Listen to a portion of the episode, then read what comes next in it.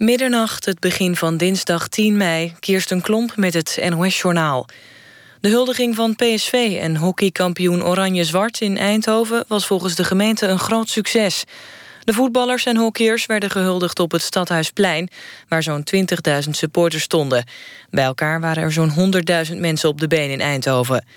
Volgens de gemeente was het een groot feest zonder grote problemen. Er waren geen vechtpartijen. De politie pakte wel negen mensen op... bijvoorbeeld omdat ze over een dranghek klommen. Premier Notley van de Canadese provincie Alberta gaat naar Fort McMurray... de stad die zwaar is getroffen door bosbranden. Samen met de burgemeester gaat ze bekijken hoe de stad eraan toe is. Zo'n 1600 huizen en andere gebouwen zijn door de brander verwoest. De bosbranden breiden zich minder sterk uit dan verwacht. Dat komt doordat het nu af en toe regent. Inmiddels maakt de provincie Alberta plannen voor de terugkeer... van de tienduizenden geëvacueerde inwoners. In Terneuzen hebben twee ontsnapte stieren een paar mensen aangevallen. Een fietser is daarbij gewond geraakt, meldt Omroep Zeeland. Ook hebben de beesten enkele auto's beschadigd. Inwoners van Terneuzen kregen via Burgernet een waarschuwing... om de stieren niet te benaderen. De politie probeerde ze de stad uit te drijven, maar dat lukte niet. Een dierenarts heeft ze uiteindelijk verdoofd, waarna ze werden afgevoerd. Connie Palme heeft met de roman Jij zegt het... de Libris Literatuurprijs gewonnen. Dat maakte juryvoorzitter Dick Benschop bekend... in het Amstelhotel in Amsterdam... waar Palme haar prijs in ontvangst nam. Andere genomineerden waren Thomas Verbocht, Joke van Leeuwen... P.F. Tomezen, Inge Schilperoort en Alex Bogers. Connie Palme krijgt een bronzen legpenning en 50.000 euro. Het weer. Vannacht blijft het wisselend bewolkt... met in het zuiden kans op een bui. Morgen vrij zonnig, alleen in het zuiden wel veel bewolking... met kans op een enkele regen- of onweersbui. Het wordt zo'n 24 graden. Woensdag op meer plekken buien... maar dan blijft het met 20 tot 25 graden wel warm. Dit was het NOS Journaal. NPO Radio 1. VPRO. Nooit meer slapen.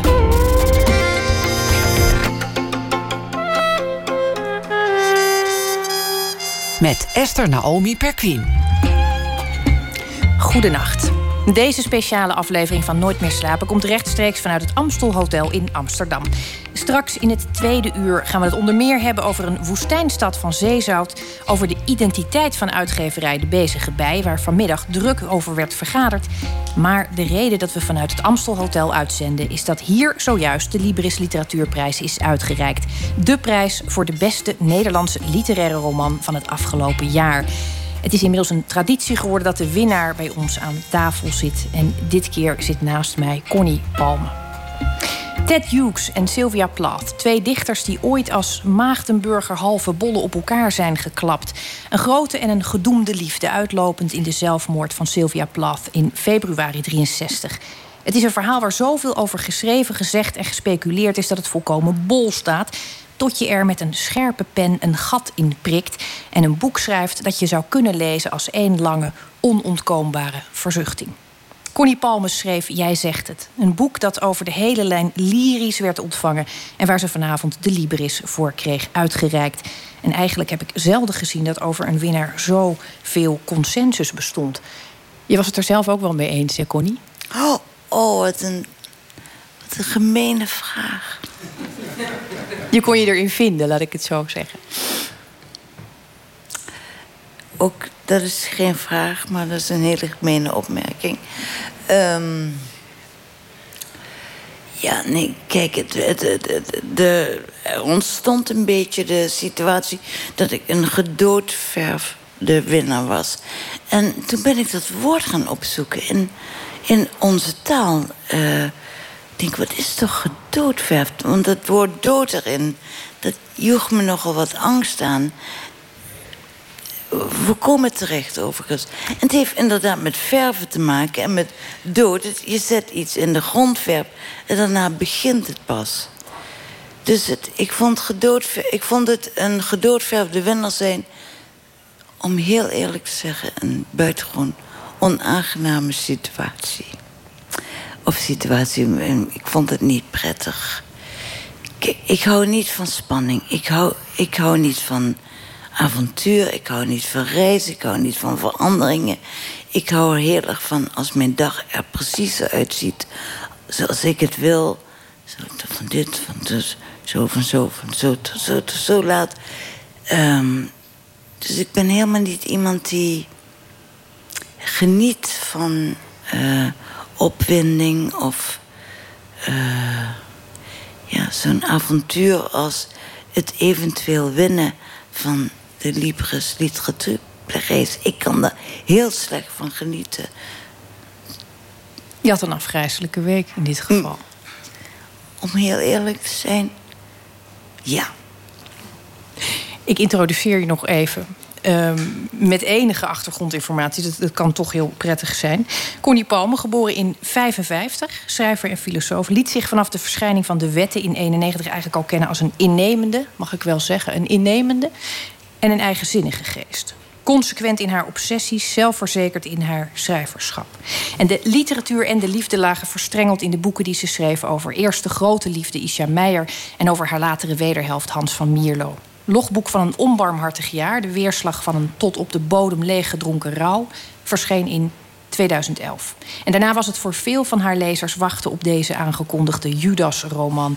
Nou ja, en als vanavond iets duidelijk is geworden, Connie Palme, dan is het wel dat jij zegt die ontzettend hooggespannen verwachtingen toch niet alleen heeft ingelost, maar ook ruimhartig heeft overtroffen. Um, je had er een afschuwelijke week op zitten. Hoe zien jouw dagen eruit als je ze zelf vorm mag geven? Nou, heel uh, monotoon. Um, maar goed, dat geldt nu voor mm, eigenlijk sinds de dood van Hans. Maar sinds de dood van Hans sta ik pas, eh, blijf ik heel lang in mijn bed. Ik word eigenlijk vrij vroeg wakker. Met plezier. Ik word vreugdevol wakker. Altijd. Ik denk, oh, er is een nieuwe dag. Of de zon nu schijnt, of dat het regent, of een nieuwe dag begint. En um, dus ik begin de dag met vreugde. En als ik schrijf, is, dat, is het evident. Dan ga ik al liefst een half uur nadat ik wakker word begin ik met dat schrijven, dat altijd te maken heeft met nadenken en dan pas met zinnen maken. Maar eigenlijk is die ochtend alles voor me. En bij mij duurt de ochtend tot een uur of twee. Dan ben ik pas klaar voor de wereld. Ik, zal nooit afspraken maken voor twee uur of uh, boodschappen doen of überhaupt de deur uitgaan. Je bent graag alleen. Ik kan goed alleen zijn ik ben het ook heel graag. Maar ik ben ook heel graag samen, hoor. Het, uh, ik, had, ik had natuurlijk geen liefdes gehad... Uh, als ik niet ook graag samen... Ik, ik heb ook een groot verlangen naar om samen te zijn. Maar ik kan ongelooflijk goed alleen zijn. En ik denk dat iedereen, dus zowel de mannen met wie ik was, als nu mijn vriendin Marleen, mijn broer, mijn, iedereen die, die nu mijn, mijn intieme wereld is, die deel maar, of die eigenlijk mijn intieme wereld bepaalt. Die zullen altijd rekening mee moeten houden dat ik. Uh, ja, het klinkt alsof het iets is wat je graag doet. Alleen dat ik alleen moet zijn. Het is niet zozeer iets wat ik. Uh, het is alsof je snoepjes wil of ijs. Of, uh, of een, een, een, dat je graag kip eet of zo. Ik moet alleen zijn. Het is een, een um, nooddruft. Het is een essentieel iets van mijn bestaan. Het is een. Um, ik heb ook geen zin om het te verdedigen tegenover mensen van wie ik houd. Om te moeten zeggen: luister eens even. Want ik kan het namelijk niet uitleggen. Ik kan niet. Ik kan. Eh, ja. Kunt toch niet tegen iemand zeggen: ja, het moet ook alleen zijn. Dat klinkt zo stom, zo puberaal. Dus ik, ik wil het niet eens hoeven uitleggen. Mensen die met mij leven en dat, die zijn er. die, die, die zien dat ook wel. Het is evident dat ik alleen moet zijn. Ik minimaal acht uur per dag. Hoe, oud is die noodzaak? Dat is een echt een fantastische vraag. Want het. Um... Ik ben opgegroeid in, met een vader en een moeder, zoals iedereen bijna tegenwoordig is iets minder evident. En met drie broers. En ik heb altijd een, een, een soort. Uh, ja. Heen en weer carousel gehad. Dus ik moest alleen zijn. Ik moest me terugtrekken op mijn, mijn kamer. Ik was het enige meisje, dus ik had een meisjeskamer. Maar ik had ook altijd het verlangen dat ik hoorde... dat ik de geluiden hoorde van beneden. Waar de jongens, want de jongens waren in de meerderheid... Uh, en die hadden altijd jongens op bezoek. En ik moest me inderdaad terugtrekken, maar ik wilde ook wel erbij zijn. Dus het is een. Uh, ik moet eerlijk zeggen dat het. De, het koninkrijk van het alleen zijn won. Maar ik moest altijd strijden tegen. Oh, ik wil ook al naar beneden gaan. Bij de jongens. Het was altijd bij de jongens, want er waren geen meisjes. Bij de jongens zijn. Maar ik wist ook wel wat ze deden. Ze draaiden plaatjes voor elkaar. Uh, ze hadden het over voetbal en over andere dingen waar ik niet zo in geïnteresseerd was. Dus als ik heel goed nadacht, dacht ik, nou, het is heel, heel leuk om bij de jongens te zijn. Maar ze hebben het over dingen waar ik toch helemaal niks aan heb. Dat had je wel al heel jong, hè? Dat idee dat, dat andere mensen het toch vaak hadden over dingen waar je niet zoveel aan had. Of niet bij betrokken was. Ja, maar dat, dat is iets wat je pas veel later realiseert. Ik herinner me zo goed uit mijn jeugd. Dat, um, dat, dat vriendinnen want, tegen me zeiden... je praat te moeilijk. En dat is iets waar ik me zo niet van bewust was.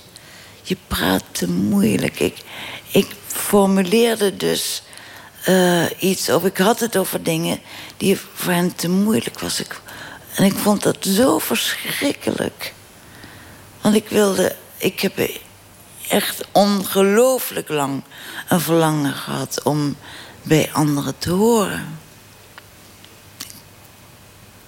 Ik heb altijd gedacht, eerlijk gezegd, omdat er, omdat er zo'n.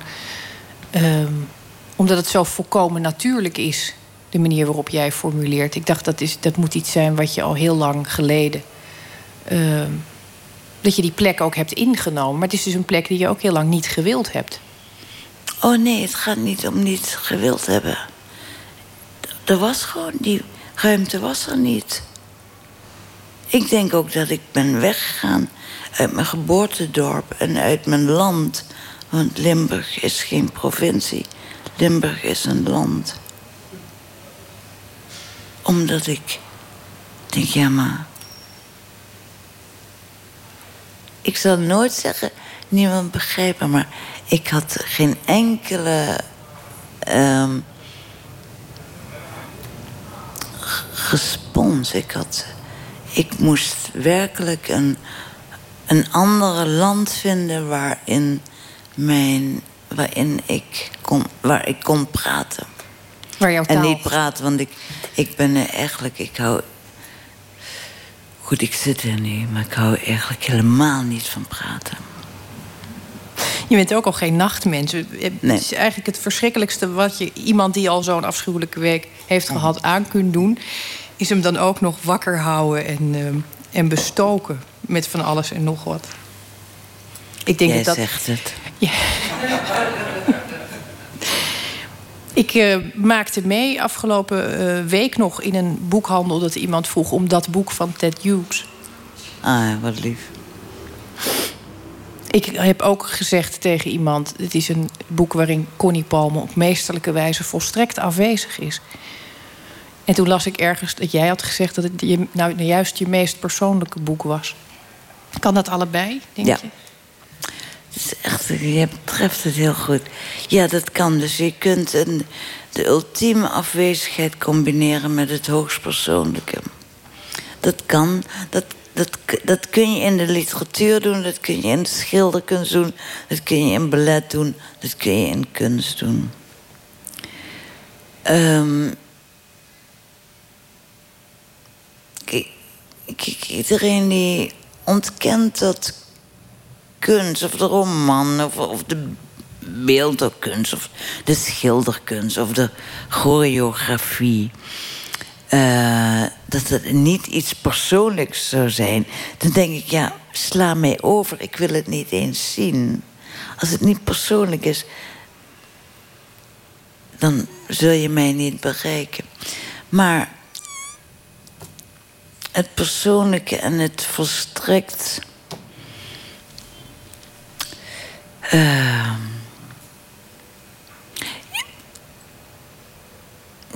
ja, hoe zal ik het uitdrukken? Iemand met, met iemand die de, de kunst, welke kunst dan ook, de beeldende kunst, schilderkunst of de, de poëzie of de romankunst, gekozen heeft, of die haar gekozen heeft, eh, om zich uit te drukken, die zal altijd een vorm vinden om het meest persoonlijke uit te drukken in de vorm die hem het meest ligt. Mensen, ik, ik begrijp niet dat ooit iemand heeft kunnen geloven dat kunst onpersoonlijk kan zijn. Ik begrijp ook niet wat mensen er dan überhaupt aan zullen vinden. Ik begrijp niet wat iemand aan iets vindt dat niet persoonlijk is. Ik, je kunt het me niet duidelijk maken. Is Dus die- alle kunst, voor, alle, voor mij is alleen iets goed in de schilderkunst, in de beeld, in de romankunst, als het persoonlijk is. En ik proef het onmiddellijk of het dat is of dat het dat niet is. Of dat het verschrikkelijk vervormd is. Dat, iemand denkt, nou laat ik er een postmoderne roman van maken. En dat het hele ik eruit verdwenen is. Denk, nou tampie, mij heb je er niet mee. Ik las dat eh, Marja Pruis had dat geschreven over. Jij zegt het. Dat ze het ook las als een, als een zelfportret. Ehm, eh, dat, dat bracht mij vervolgens eh, aan het denken over eh, Ted Hughes en Sylvia Plath. Wat natuurlijk ook twee kanten van jouw karakter zouden kunnen zijn. Ted is natuurlijk de. Nu ga je ver, hè? Nu ga ik, ja, nee, ik weet het. Ik waag me op glad ijs. Het is natuurlijk, Ted is de, de, de man die het liefst in een hut op de hei zat. Sylvia is toch degene die ook de, de blik nodig had. In het oog wilde springen. Ehm, de aandacht trok. Ja, je gaat in alles nu te ver. je gaat Sylvia duiden, je hebt Ted. En, ehm, ik zie ze allebei anders, dat kan ik je nu al vertellen. Laten we even terugkomen op waar je je vraag mee begon. Of zo het al een vraag was, want het was geen vraag. Dat Maya Pruis zei, of dat eh, citeerde in de ehm, recensie dat het mijn meest eh, persoonlijke boek was. En zij begreep dat, hè. Maya begreep dat.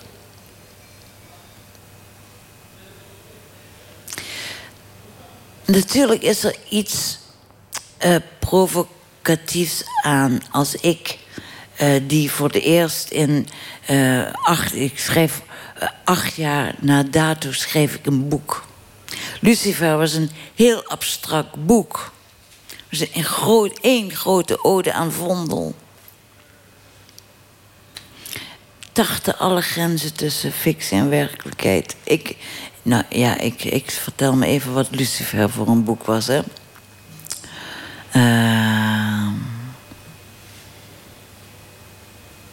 had alles te maken met waar jij zegt het over gaat. Dat, dat als de waarheid niet bekend is over een verschrikkelijk feit, de dood. Wat een verschrikkelijk iets is. Was het zelfmoord? Duwde iemand haar van de rots? Daar ging Lucifer over. Als de waarheid niet bekend is, daar bestaat, dan begint fictie. Fictie, alle fictie, al deze romans, ook de romans die vandaag, al die romans die genomineerd zijn vandaag, zijn allemaal een ode aan dat de verbeelding begint omdat de waarheid niet bekend is. We zijn geen rechtscollege. We zeggen niet, die heeft het gedaan en die heeft het gedaan. De, de islamieten zijn schuld. Oh nee, de joden. Oh nee, die. Nee, we weten het niet. Daar begint, daar begint de literatuur. Daar begint het hele onderzoeksterrein van de literatuur. Wij kennen de waarheid niet. We weten niet of Israël fout is of Palestina. We weten niet of de, of de, de, de, hele immigratiestroom ons ten onder gaat voeren of niet. We weten het allemaal. De waarheid is onbekend.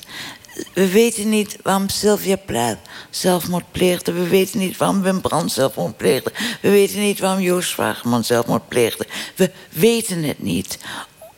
In, dat, in die grote leegte van het niet weten begint de literatuur. Dat is waarom ik literatuur maak. Om in die grote leegte van het ontbreken van de waarheid een verhaal te vertellen. En dan zul je zien dat de wereld draait om verhalen. We weten het gewoon niet. Punt. Het is onmogelijk om nu niet een beetje verliefd op je te worden. Dat leidt heel erg af. Ja. Oh, wat is. Oké. Zullen we drank bestellen? Laten we drank bestellen, dat is altijd Oh. goed. En ehm, daar, moet, daar moet dan ook een, een, een beetje muziek bij. Leonard Cohen. Of Charles Of. Amy Winehouse gaan we luisteren. Yeah. Dat, is, eh, dat is ook een beetje vanwege de roem. Het is ook een beetje vanwege de liefde. Ehm, en het is ook een beetje vanwege de tragiek. We gaan luisteren naar Love is a Losing Game. Oh.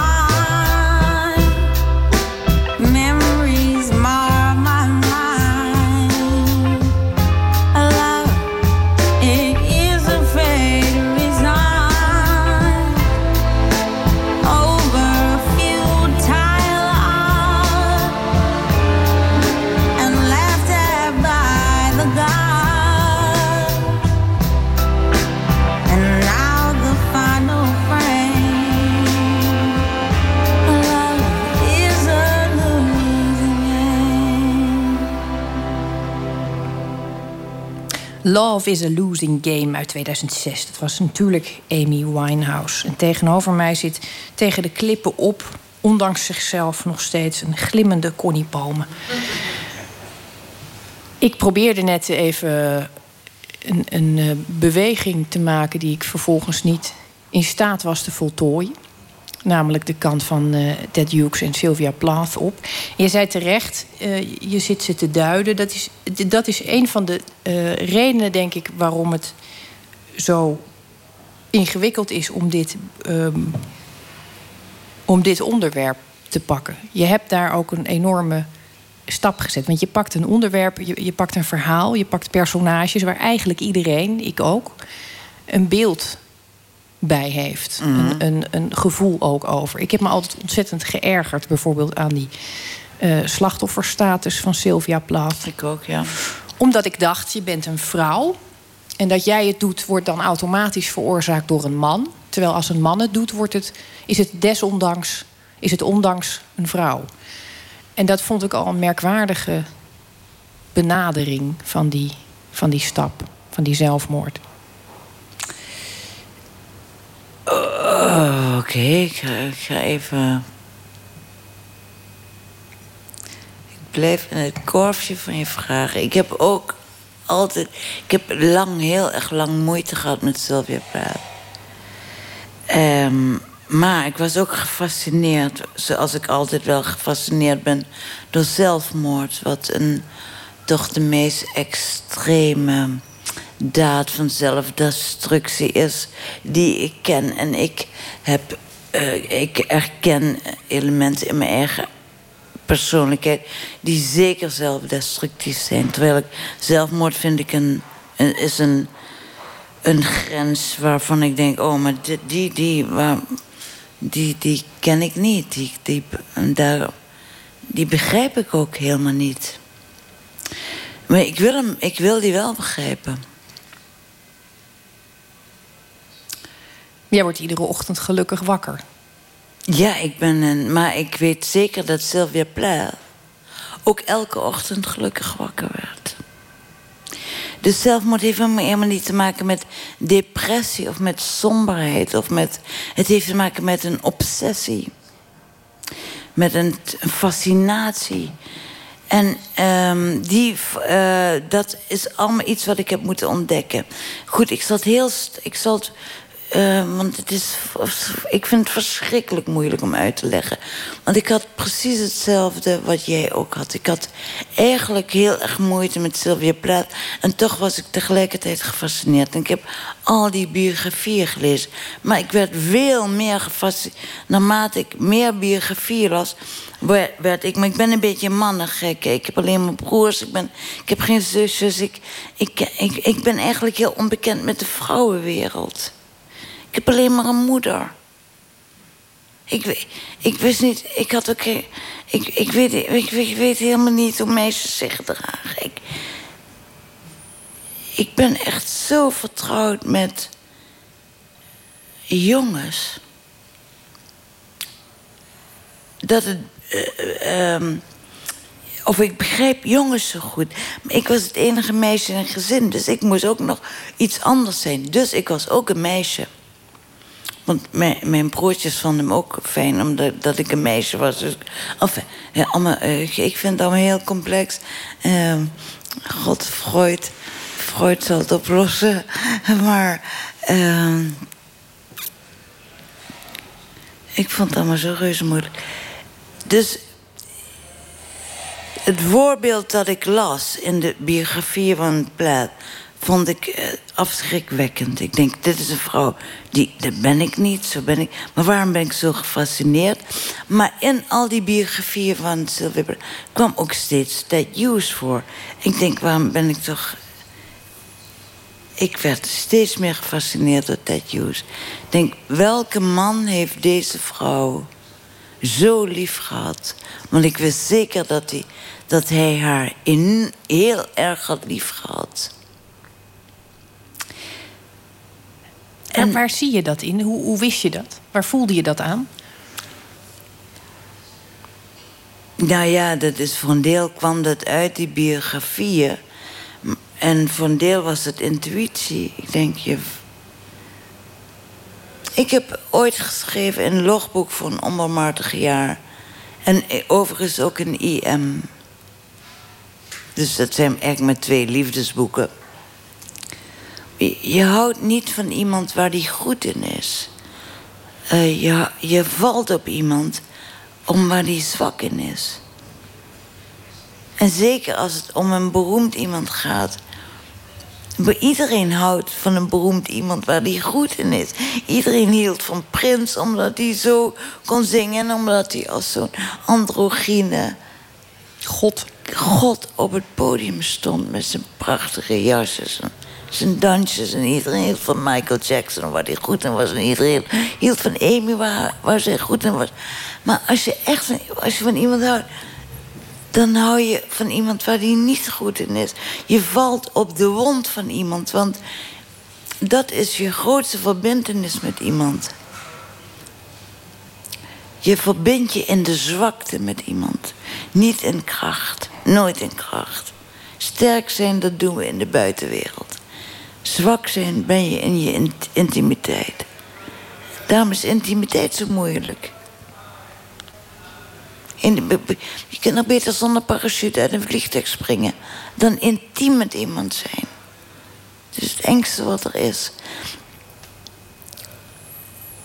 Dus dat hele. Liefde gaat altijd daarover. Zeker liefde tussen beroemde mensen. Want beroemde mensen zijn meer dan andere mensen geoefend in het verbergen van hun zwakte. Die laten alleen maar hun kracht zien. Een soort Facebook waar je altijd maar zegt maar, oh. Dus intimiteit heeft altijd met zwakte te maken. Altijd. Is geen andere definitie van intimiteit dan primo woord zwakte, wond, gebrek, tekort, gemis, falen. Je valt er. Je houdt niet van iemand. Om waar die krachtig in is. En ik denk dat de liefde tussen Sylvia Plath en Ted Hughes. Die twee maagdenburgerbollen die op elkaar klappen. Dat dat een, een ontmoeting van twee wonden is. Daarom is het een hele grote liefde. Welke wonden zagen zij, denk je? Dat, dat moet je uit het boek. Dat is verlating. Dat is hij. Hughes um, is buitengewoon gehecht aan een oudste broer. Het zijn, maar kleine dingen hoor. Uh, grote wonden worden vaak veroorzaakt door maar kleine dingen. Maar Ted Hughes, zijn oudste broer, um, waar hij buitengewoon veel van hield. En hij zag ook dat zijn moeder, het meest, dat hij zo hield van, van het oudste kind. Enfin, nou ja, ik ga nu een soort casus beschrijven van verlatingsangst. Maar goed, uh, Ted heeft zijn oudste broer buitengewoon bemind. En um, zich misschien nooit met iemand zo, uh, bij iemand zo veilig gevoeld als bij zijn oudste broer. Sylvia Plath verloor haar vader op haar achtste door een eigenlijk een ver, ver, verwaarloosde diabetes. En haar vader ging dood in, ik geloof in 46. Nee, eerder, het was nog voor de Tweede Wereldoorlog. Uh, enfin, misschien zelfs pas in 1940. Um, op een moment, en hij was uh, professor in de entomologie, biologie, alles.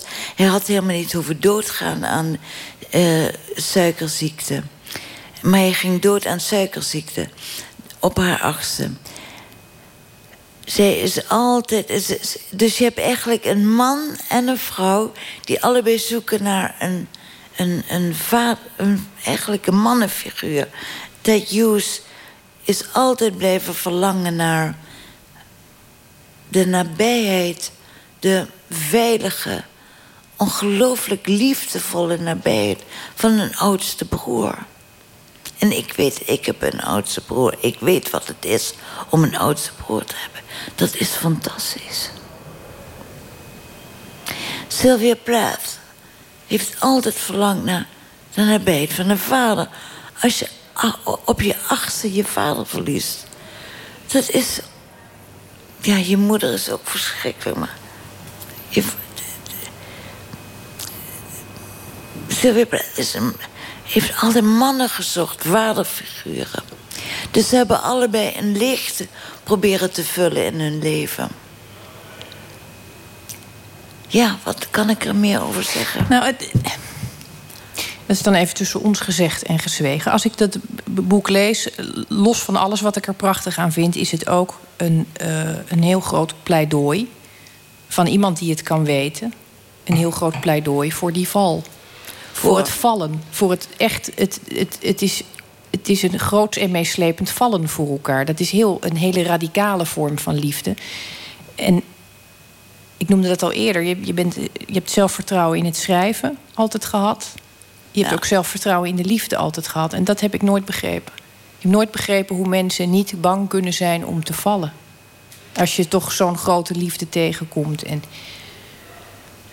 Ik denk dat ik ongelooflijk bang ben geweest, maar.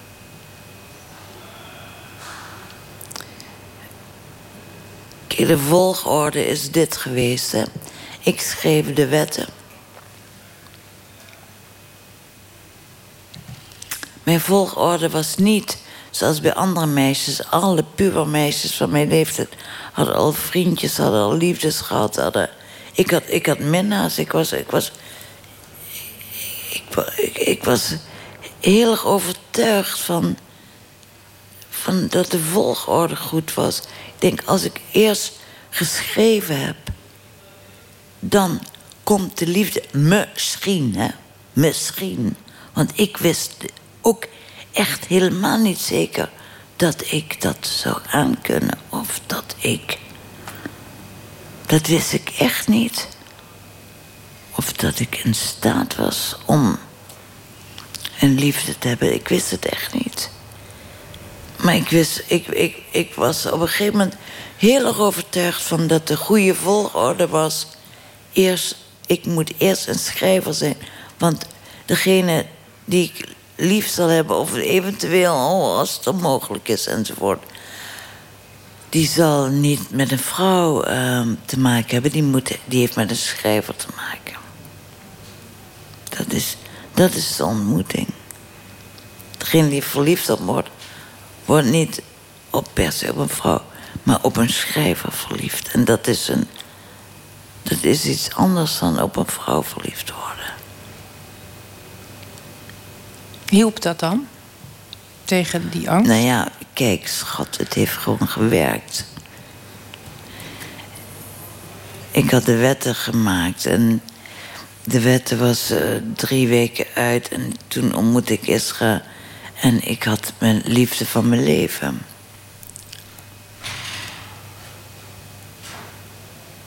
Dus je kunt. Um,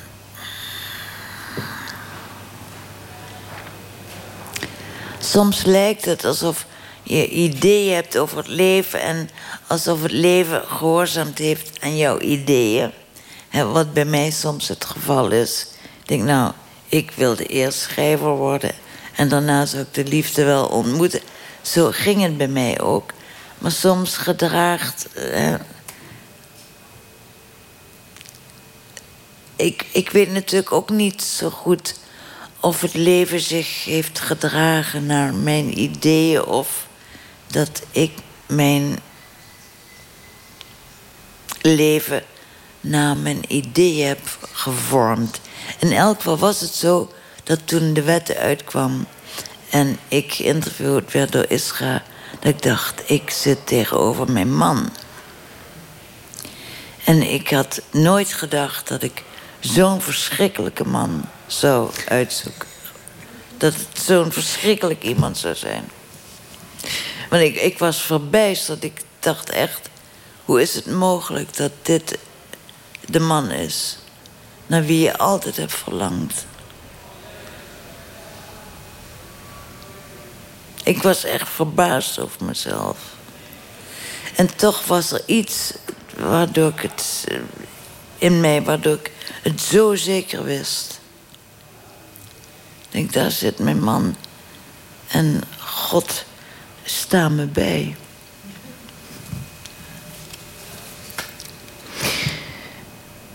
We hebben, omdat jij ooit ehm, verteld schijnt te hebben dat je als kind van Duitse slakers hield. En van eh, kermismuziek onder andere. Allerlei frivole kantjes.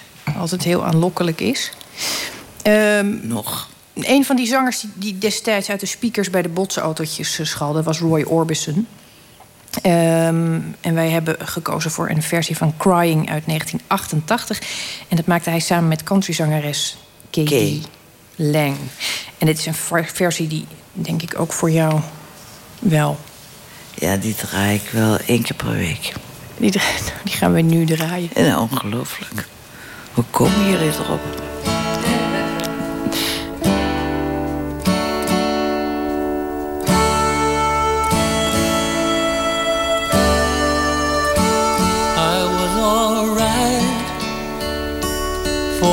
While. I could smile for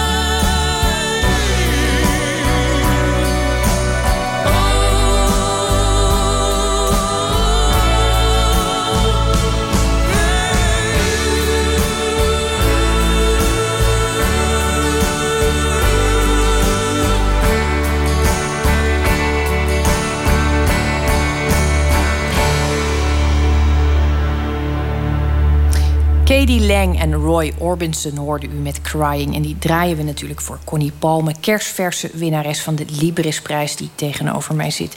En iedere keer als we even muziek draaien, dan moet ze het opnieuw voor zichzelf zeggen. Alsof het dan pas waar is. Het was natuurlijk een afschuwelijke week, maar het is toch ook wel een. Nee, het is inderdaad, ik moet het inderdaad. Het dringt pas heel. Het zijpelt heel langzaam. Dat, ik- dat, ik- de liefres heb gewonnen. Ja, ik ben echt zo. Ja, beschamend gelukkig, echt heerlijk. Ik vind het een beetje gênant. Nou, ik vind, ik vind het vooral gênant dat je eh, zo lang in verticale toestand moet blijven en niet gewoon gelukzalig achterover mag vallen. Dat is, dat is, dat is wel. Dat is jouw schuld. Dat is mijn schuld. Ik, ik neem dat ook heel. Eh, ik neem die schuld op mijn schouders. We hadden het net heel even over frivole kantjes, Duitse slagers en, eh, en kermis. Er is iets wat ik me al lange tijd afvroeg. Ehm, is niet frivol. Dat is niet het goede woord. Het is mijn cultuur. Ik, ik kom met een cultuur. ehm, ja, ik kom, eer, eer- eer- ik kom uit een slagercultuur. Ik ben opgegroeid met kermissen en met, ja, daar was ook Roy Orbison en Elvis Presley, wat voor mij al echt hogere cultuur was. Kun je nagaan. Maar ik ben opgegroeid met bruiloften, met feesten waar alleen maar slagers gedraaid en gezongen werden. Dat smalle deel van Limburg, dat is, dan heb je één elleboog in Duitsland en je hebt een andere elleboog in België. Je hebt een, een, een, ander, een voetje in Zuid-Limburg en een kruin in, in Noord-Limburg. Ik wist niet wat Holland was. En de slagercultuur. ehm, en de Belgen hebben veel meer country-achtig, maar slagercultuur is mij zo vertrouwd, vertrouwder dan wat dan ook. Maar goed, je wil daar waarschijnlijk een vraag over stellen. Nou, ik wilde daar ook een vraag over stellen. Ik, wat, wat ik me al heel lang afvroeg, is jouw. ehm, het, het is een, een, een, een mengeling altijd, natuurlijk altijd, van, het, eh, van, van wat we dan verheven of cerebraal of doordacht zouden noemen en iets. ehm, toch ook een, een hunkering naar het, het feest en het meeslepende. En, en, en alle mystiek en wat ik dan frivol noem, wat daar omheen hangt. Ehm, leg je wel eens tarotkaarten bijvoorbeeld? Heb je dat zelf ooit gedaan? Of doe je dat alleen nooit. maar in het kader van research? Mm, Zelfs voor research niet. Nee. En, en, en vormen van bijgelovigheid, ben je daar bevattelijk voor? nee. Dit heb ik dus altijd, ik heb altijd vermoed, eerlijk gezegd. Ik las dus als tienermeisje eh, de wetten. dat, dat, dat deed ik dan. Ik had geen slagers. Ehm, ik heb altijd vermoed dat je ergens misschien toch een, eh, een pakje tarotkaarten in een la had Nee. liggen. Nee. Je stelt Nee. me niet teleur hoor. Zo is Nee, het ook fijn. en Daar ben ik, nou ja. Nee, daar ben ik blij om. Ik zal, want ik zal het een beetje uitleggen. Ik heb eh, de wetten. Ik zal even beginnen bij de wetten. Want ehm, ik ben altijd heel erg gevoelig geweest voor mensen die er wel in geloofden. Dus ik, ik, ik, ik merk gewoon dat mensen die astrologen of mensen met een bijgeloof of überhaupt mensen met hele malle ideeën, die kunnen heel goed bij mij terecht. Want ik veroordeel het niet. Ik denk altijd, nou, ze praten namelijk, ze hebben namelijk altijd een eigen jargon, ze hebben een eigen taal. Ze, en ze zijn eigenlijk hebben ze altijd een soort bereidheid om jou te duiden, zeker astrologen. En hebben altijd bereidheid om over jou te praten in jouw hoedanigheid. In mijn hoedanigheid is dit dan het geval van boogschutter, schorpioen... en heel zwaar geascendeerd door de schorpioen. Ehm, nou, dan kun je nou, uren En, het, en, het- en, en het, is, het zijn altijd mooie verhalen. En ze kloppen altijd wel een beetje. Ik heb nog nooit tarot gelegd. Ik heb ook nog nooit tarot laten leggen. Ehm, iets anders is dat ik gelovig ben opgevoed. En dat mijn ouders eh, gelovige mensen zijn. Hè. Mijn ouders zijn katholieke mensen. Dus ik ben, ik ben heel erg eraan gewend om om te gaan met mensen die in iets geloven waarin ik niet, in elk geval niet meer geloof. Dus ik zei, mijn moeder is nu 88. Mijn moeder, elke dag om half vier, pakt mijn moeder een rozenkrans. En dan bidt ze. Ze heeft vier kinderen, drie zonen en mij. De rozenkrans heeft tientjes, hè? Tien, tien groetjes. En de, de dikke knopen zijn onze vader. Mijn moeder bidt elke dag een rozenkrans voor haar vier kinderen. En dan doet ze hem nog eens een keer over, want ze heeft ook twee kleinkinderen. Dan bidt ze nog voor haar overleden man, mijn vader. En voor de overleden, mijn overleden mannen. En dan, doet ze, dan zit ze dus ruim een uur te bidden. Dus een beetje zoals de islamieten op een matje gaan liggen. Ik wa- kwam laatst bij mijn kleermaker. Op een ongunstig moment. Toen zat hij net op zijn matje naar Mekka te bidden. Doet mijn moeder ook, rooskrans. Dus wat is dit? Mensen geloven in iets. Ik geloof natuurlijk ook in iets. Als je mijn boek leest, Het geluk van de eenzaamheid, het gaat over de literatuur, dan zou je toch zeggen: Ik geloof in de literatuur. En mijn moeder gelooft in God. En mijn kleermaker in Allah. Iedereen gelooft er ergens in. Het is zaak om je te realiseren waarin je gelooft en wat je ervoor over hebt. Het wordt natuurlijk behoorlijk eng als je eh, voor je geloof over hebt om er iemand voor te doden. Dan wordt het behoorlijk eng. Maar goed, wij katholieken hebben de kruisvaart gehad. Dus we hebben ook de bereidheid gehad om mensen te doden... om ze te over, ervan te overtuigen dat eh, ons geloof het enige ware geloof was. Het, ik weet niet, het lijkt alsof het, de crux daar te me zit. Dat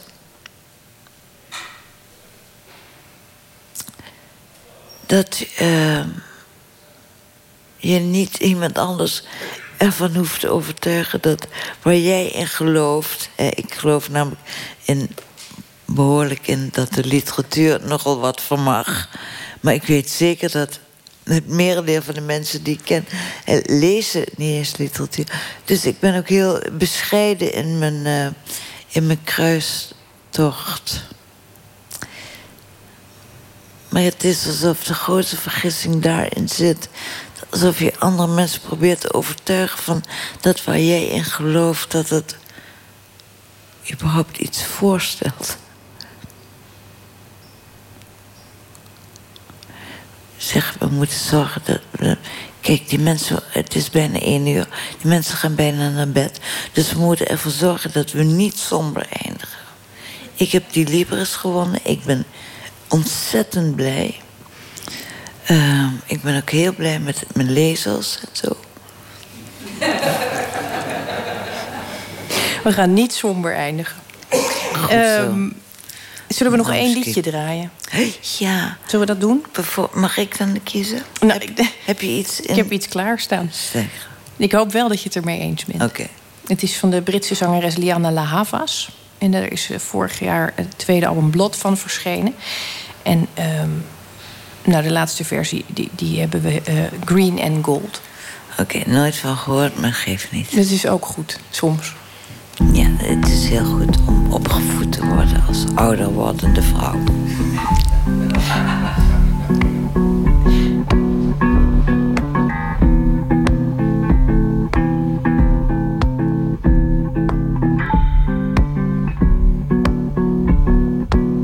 Mm, six years old, staring at my nose in the mirror, trying. My toes in the mirror. Thinking, who's that girl? And does the mirror world go on forever? Call me your road. Sharpening the knives in the attic. Trying to watch cartoons through the static. Thinking, where am I gonna be if I'm ever 23? Oh, looking at life unfold. Dreaming of the green and gold, just like the ancient stone. Every sunrise, I know those eyes you gave to me that let me see where I come from. Found an old friend, meeting my guitar in the city. Like a star in the city. And suddenly it seems that I'm where I'm supposed to be. Oh, and now I'm fully grown. And I'm seeing everything clearer. Just sweep away the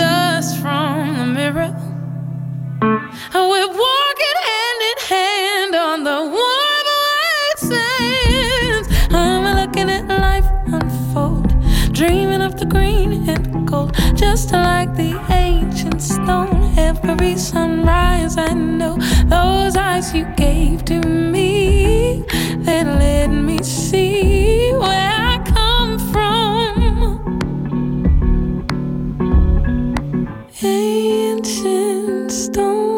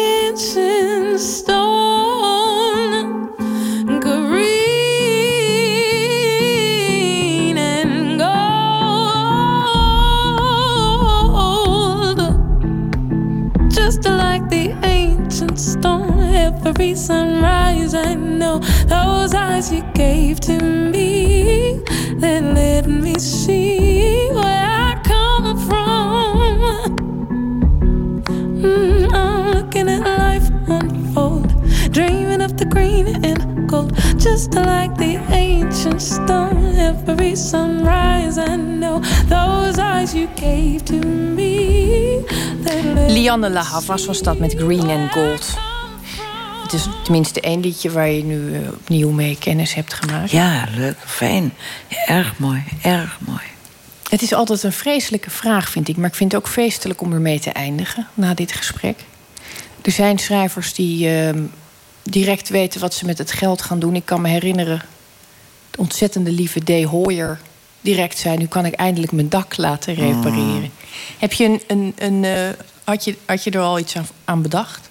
Of had je het zo ontzettend vreselijk gehad deze week... dat je daar nog helemaal niet mee bezig was? Nee, maar ik ben nooit met geld bezig. vind ik eigenlijk een hele goede afsluiter. Ik wens je een ontzettend mooie nacht en welverdiende rust. Oh, dank je wel. Heel erg bedankt. Ik ben zo blij. U kunt eh, Nooit meer slapen natuurlijk podcasten. En dat kunt u op de website nalezen. En wij zijn er straks in het tweede uur. Nationaal van 1 uur.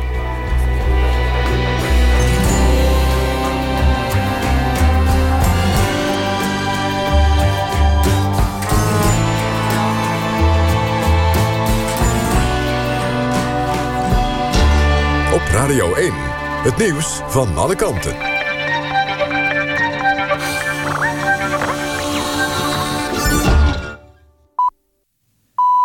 1 uur, Kirsten Klomp met het NOS-journaal. De wapenstilstand in de Syrische stad Aleppo is met nog eens 48 uur verlengd. Dat heeft het Syrische leger bekendgemaakt. Sinds donderdag geldt een staakt het vuren in Aleppo. In eerste instantie tot en met zaterdag, maar ook toen werd het bestand verlengd. De afgelopen dagen waren er nauwelijks incidenten in de stad. Een paar weken geleden leidde het geweld in Aleppo op. Zowel het regeringsleger als rebellen voerden aanvallen uit... waarbij honderden doden vielen. Onder meer ziekenhuizen werden getroffen. De huldiging van PSV en hockeykampioen Oranje-Zwart in Eindhoven... was volgens de gemeente een groot succes. De voetballers en hockeyers werden gehuldigd op het Stadhuisplein... waar zo'n 20.000 supporters stonden. Bij elkaar waren er zo'n 100.000 mensen op de been in Eindhoven. Volgens de gemeente was het een groot feest zonder ongeregeldheden. Er waren geen vechtpartijen. Wel pakte de politie negen mensen op. Onder hen waren bezoekers die over een dranghek klommen. De studielening moet voor studenten uit arme gezinnen weer veranderen in een schenking. Dat zegt kinderombudsman Margriete Kalverboer. Volgens haar is dat een van de maatregelen die nodig zijn om kinderen uit arme gezinnen een betere toekomst te geven. Kalverboer reageert op nieuwe cijfers van het CBS... waaruit blijkt dat bijna 1 op de 8 kinderen in Nederland... opgroeit in een gezin met een laag inkomen. In Terneuzen hebben twee ontsnapte stieren een paar mensen aangevallen. Een fietser is daarbij gewond geraakt, meldt Omroep Zeeland. Ook hebben de beesten enkele auto's beschadigd. Inwoners van Terneuzen kregen via Burgernet een waarschuwing... om de stieren niet te benaderen. De politie probeerde ze de stad uit te drijven, maar dat lukte niet. Een dierenarts heeft ze uiteindelijk verdoofd, waarna ze werden afgevoerd. Het weer, vannacht blijft het wisselend bewolkt... met in het zuiden kans op een bui. Morgen vrij zonnig, alleen in het zuiden wel veel bewolking... en ook dan kans op een enkele regen- of onweersbui. Het wordt zo'n 24 graden. Dit was het NOS Journaal. NPO Radio 1. VPRO. Nooit meer slapen.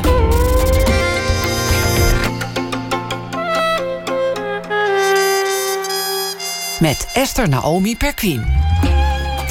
Goedenacht, nog steeds in het Amstel Hotel in Amsterdam. Een woestijnstad van zeezout bouwen. Het is een plan van architect Erik Geboers. Straks bezoeken we zijn werkplaats om de eerste prototypes van dit zoutproject te bekijken. En schrijfster Pauline Slot is de gast in de rubriek Open Kaart. En aanleiding is haar nieuwe roman Dood van een thrillerschrijfster. Maar we beginnen dit uur met een schrijver die reageert op iets wat er in de wereld is gebeurd. En deze week doen we dat met Arie Storm.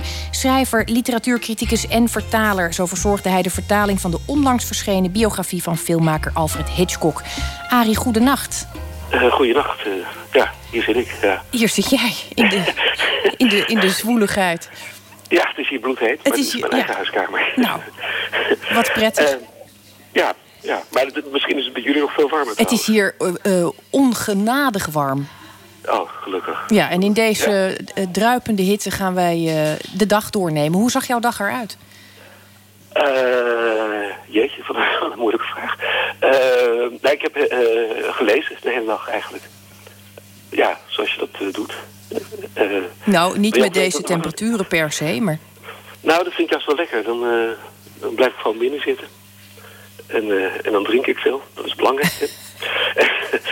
en, en dan, ik, ik ben bezig met de brieven van John Keats. Dat kan ik iedereen aanraden. Nou, die, die nemen we alvast mee. Eh, Ja. Zodra het weer afkoelt, zal ik me erop storten. Oké, heb je ze nooit... Ja, je kent Keats natuurlijk wel. Maar de brieven ben je misschien nooit aan Nee, toegekomen. of- zeker niet. nee, nou, dat is echt eh, verpletterend. Ja. Prachtig. Wat heb je voor ons eh, geschreven? Nou, ik reageer op wat er, van, wat er net bij jullie gebeurd is. Dus Oh, dat lijkt ja, me dat, dat, uitstekend. Dat moet ik als literatuurcriticus toch doen, nietwaar? Ja. Eh, nou, ik, ik begin nu voor te lezen. Komt het ooit nog goed met de Nederlandse literatuur? Frans Ruiter en Wilbert Smulders schreven in het in 1996 verschenen boek Literatuur en moderniteit in Nederland van 1840 tot 1990. En ik citeer.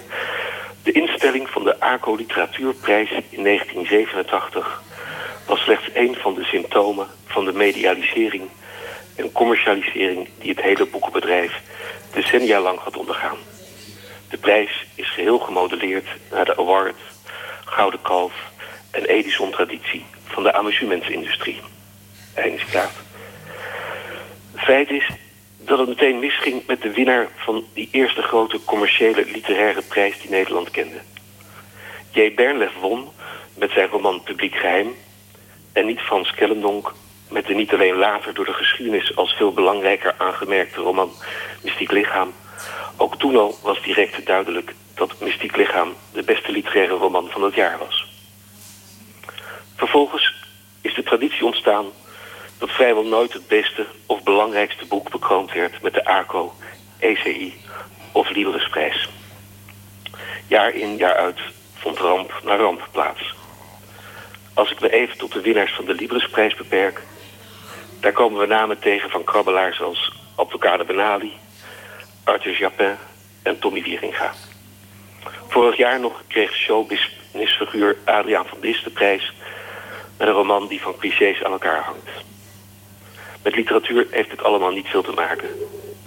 Toch bestaat nu bij de nietsvermoedende buitenstaander het idee dat we met literaire schrijvers te maken hebben. Waarom heet de Libris Literatuurprijs eigenlijk de Libris Literatuurprijs en niet gewoon de Librisprijs? Dan zijn we daar in elk geval van af. Nogmaals, Ruiters en Smulders, ik citeer. Sinds de instelling van de ACO Literatuurprijs wordt de agenda van zowel uitgevers als literaire critici en televisiemakers voor een aanzienlijk gedeelte gedicteerd door het commerciële ritme van het prijzencircuit. Einde citaat. Dat is inderdaad onmiskenbaar het geval. Wat deden al die literaire critici bij het Libris-diner vanavond? Die horen, vind ik, gewoon thuis te zitten en een boek te lezen. Dat heb ik vanavond en vandaag ook gedaan. Vandaar dan ook mijn vraag. Wie heeft er eigenlijk gewonnen? Arie Storm, je hebt iets moois gemist hoor. Eh, wie heeft er gewonnen? Connie Palme. Oh, nou, dat is dan wel weer fijn. En ja, en die heeft hier toch echt een uur lang ook eh, zitten stralen. Het is Ja, wel merkwaardig. Uh, ik heb de indruk dat schrijvers altijd beter zijn in prijzen in ontvangst nemen dan dichters. Dichters die Ja. schamen zich altijd als ze een prijs winnen. Wist je dat? Oh, maar dat vind ik eigenlijk ook wel een mooie eigenschap. Oh. Ja, of vind jij dat niet goed? Of, Nou, eh, nee, ik vind het een mooie eigenschap, maar het lijkt me het in ontvangst nemen zelf gewoon iets eh, onhandiger eh, maken. Ja, ja nou, ik, ik schaam me ook altijd overal voor. Ehm, eh, en, ja, ja, ik vind het wel een mooie eigenschap eigenlijk. Dat je, je want ja, je ziet nu ook dat... Ik, ik gun het Connie erg trouwens. Dat, ze zat op mijn lijstje van... eh, als dan toch iemand er moest krijgen, zij. Ehm, eh, maar je, je- hoort ook tegen, tegenwoordig steeds vaker zeggen... en iedereen zegt dat de hele tijd... dat je prijs wint in de literatuur. Terwijl je krijgt een prijs toegekend. Hè, of eh, je wordt gelauwerd, je wordt geëerd. Dat vind ik eigenlijk veel mooier om het zo te zeggen. Nou, gelauwerd. als er winnaars zijn, dan zijn er natuurlijk ook verliezers. En dat zijn al die andere schrijvers. Dat is toch niet... Dat is geen fijne gedachte. Nee, dat heb ik ook altijd merkwaardig gevonden. Laten we het houden dan op, op gelauwerd en eh, geëerd. En ze is inmiddels gelauwerd en geëerd eh, Ja, eh, ja. in, in alle rust naar huis. Ehm Arie, dank je wel voor je bijdrage deze week. En ik wens jou een hele goede nacht. Ja, jij ook nog. Dag. Dag. Max Jury is een jonge singer-songwriter uit Iowa... die deze zomer op zo'n beetje alle zomerfestivals wel te zien zal zijn... waaronder Pinkpop en Lowlands. En dat terwijl zijn debuutalbum nog moet verschijnen. Dit is Max Jury met Standing on My Own.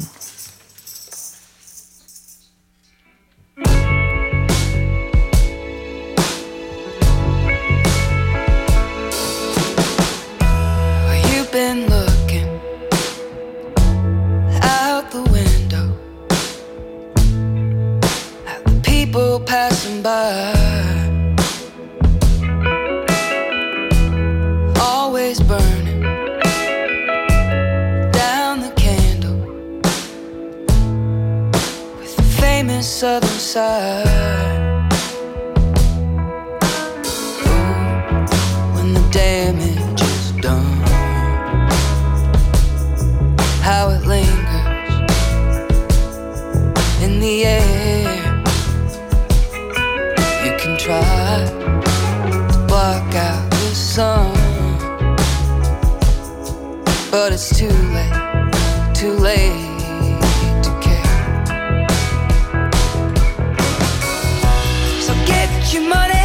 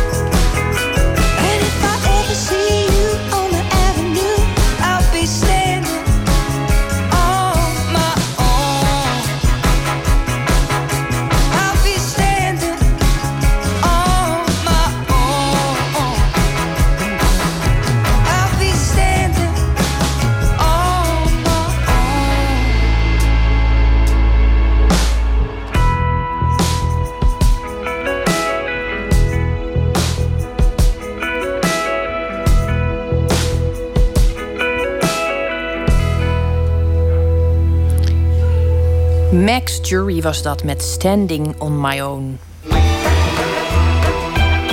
Nooit meer slapen. Door klimaatverandering worden woestijnen steeds groter en dreigt er een tekort aan drinkwater. Architect Erik Geboers bedacht een oplossing. Woestijnsteden van zeezout. Prototypes van zijn nieuwe bouwmateriaal worden nu tentoongesteld op Fab City in Amsterdam. En verslaggever Adinda Akkermans zocht de architect op in zijn werkplaats. Even proeven hoor. Ja, het smaakt echt naar zout. Op de tafels, de vloeren, de stoelen, overal in de Rotterdamse werkplaats van architect Erik Geboers ligt zout. Gewoon huis, tuin en keukenzout.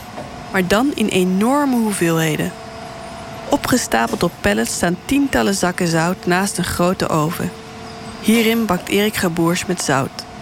Want zout is het nieuwe beton, zo ontdekte hij. Nu maakt hij nog stoelen van zout. Maar uiteindelijk heeft hij een grote woestijnstad voor ogen met huizen gebouwd van zout.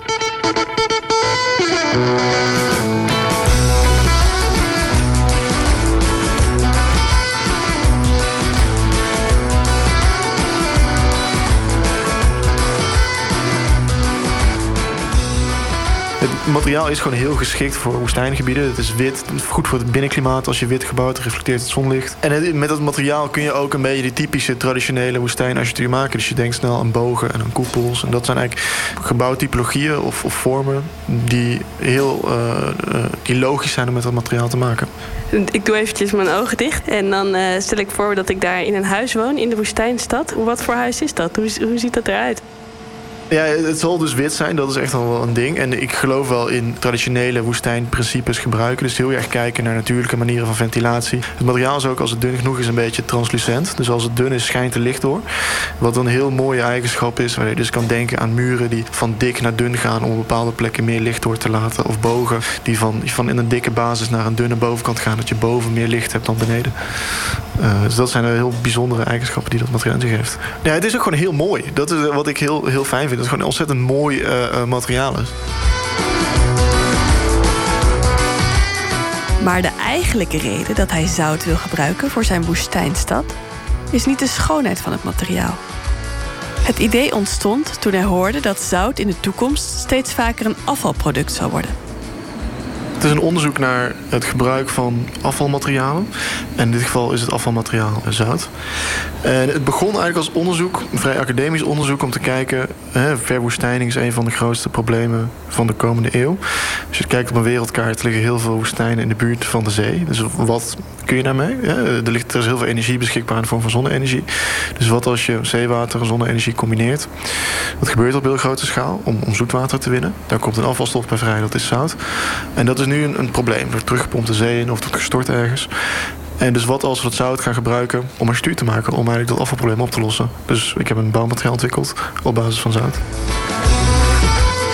De eerste experimenten met zout deed hij vanuit zijn studentenhuis. Tijdens zijn opleiding architectuur aan de TU Delft. Het begon eigenlijk met een tripje naar de supermarkt. Dus ik ben gewoon eh, een paar kilo zout gaan halen. En wat, wat bindmiddeltje uitgeprobeerd. En eh, uiteindelijk dat eh, een beetje gaan bakken in, in de oven met wat water erbij. Ja, de eerste keer ging het heel slecht. Dat was gewoon was flut. Een beetje hard, maar niet hard genoeg. Of, eh, maar ja, dat ging eigenlijk steeds beter. Op een gegeven moment, dat is al, al anderhalf jaar geleden ongeveer... toen eh, had ik op een gegeven moment een, een paar bakstenen... die echt heel erg hard waren. En toen ik die ging testen op civiele techniek op de TU Delft... toen kwam ik van, hey, goh, dit is best wel sterk. dit is, hier zit echt wel wat in. Eh, en sindsdien is het nog wat beter geworden dan dat. Ja, je moet dus eerst kijken van wat zijn die eigenschappen van een materiaal. En dat wisten we in het begin helemaal niet. Dus ik heb gewoon heel veel staafjes gebakken. En dan heb je op de, TU Delft machines, drukbanken en trekbanken. Waar je kan kijken van hoe sterk is dat nou, wat voor krachten. Hè, dus trekkrachten neemt het niet zo goed op, drukkrachten wel. En dat is inderdaad gewoon kijken wat het doet. En het zout is in die zin redelijk vergelijkbaar met ongewapend beton. En wat betekent dat voor het uiteindelijke huis dat je ermee bouwt? Als je een, een boog maakt of een koepel, dat zijn dus typisch constructies waar geen of weinig trekkrachten in voorkomen. Dus dat is eigenlijk een heel logische vorm om te maken. En je kan dat zout dan ook wapenen, dat zijn we nu aan het testen, door er, door de vezels in te verwerken. Eh, zoals beton stop je de staal in om het goed tegen trekkrachten te, te, te bestendig te maken. En eh, nou, staal gaat roesten als je het in zout stopt. Dus wij zijn nu naar, naar kokosvezels en naar bamboevezels en hennepvezels aan het kijken. En dat wordt ook eens goed geconserveerd door het zout. Dus dat is wel een mooie bijkomstigheid. Eh, om dus ook op trekkrachten en de, die, die eigenschap eigenlijk te beïnvloeden. En een eigenschap van zout is natuurlijk ook dat het niet zo goed tegen water kan. Ja, klopt. Ja, het, nou, het scheelt natuurlijk dat in woestijngebieden niet zoveel regent. Dus dat is, in Nederland zou ik niet met zout bouwen, maar in heel droge gebieden is het dan een stuk meer geschikt. En je moet het dan nog wel eh, beschermen, inderdaad. Dus eh, binnen, binnen in het gebouw hoef je niks te beschermen, maar de buitenste schil die zul je wel goed moeten beschermen. Maar binnen in het gebouw betekent wel dat je, en als je lekkage hebt, dat je ook meteen een groot probleem hebt. Ehm, nou, zo snel zal het niet gaan. Het kan wel wat hebben, maar het, het zal niet een paar dagen regen kunnen hebben. Dus eh, wat water in de muur gooien, dat is allemaal prima. Maar je moet niet eh, de douche erop zetten om een week lang, zeg maar. Ik moest ook een beetje aan iglo's denken toen ik jouw werk zag. Ja, ook wit. En ijs heeft principe ook in die zin dezelfde eigenschappen als ongewapend beton en als zout. Dus ook in ijs is het logisch om in boogvormen te denken. Vandaar dat iglo's boogvormen zijn. Dus dat, ja, dat, die eigenschappen die hebben gewoon veel met elkaar gemeen. Iglo's worden op andere manier gemaakt. Met iglo's zaag je echt een vorm uit, een hard blok. En met zout moet je het in een mal storten. Dus dat is net anders. Uh, maar die, die, ja, die vormentaal die heeft er wel veel mee te maken.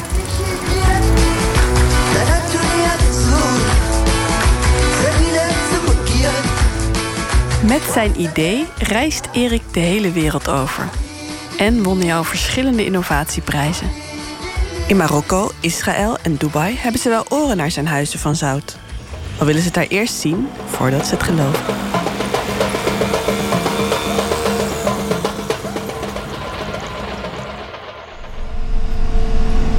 De plaatjes zijn mooi, het is een visueel verhaal.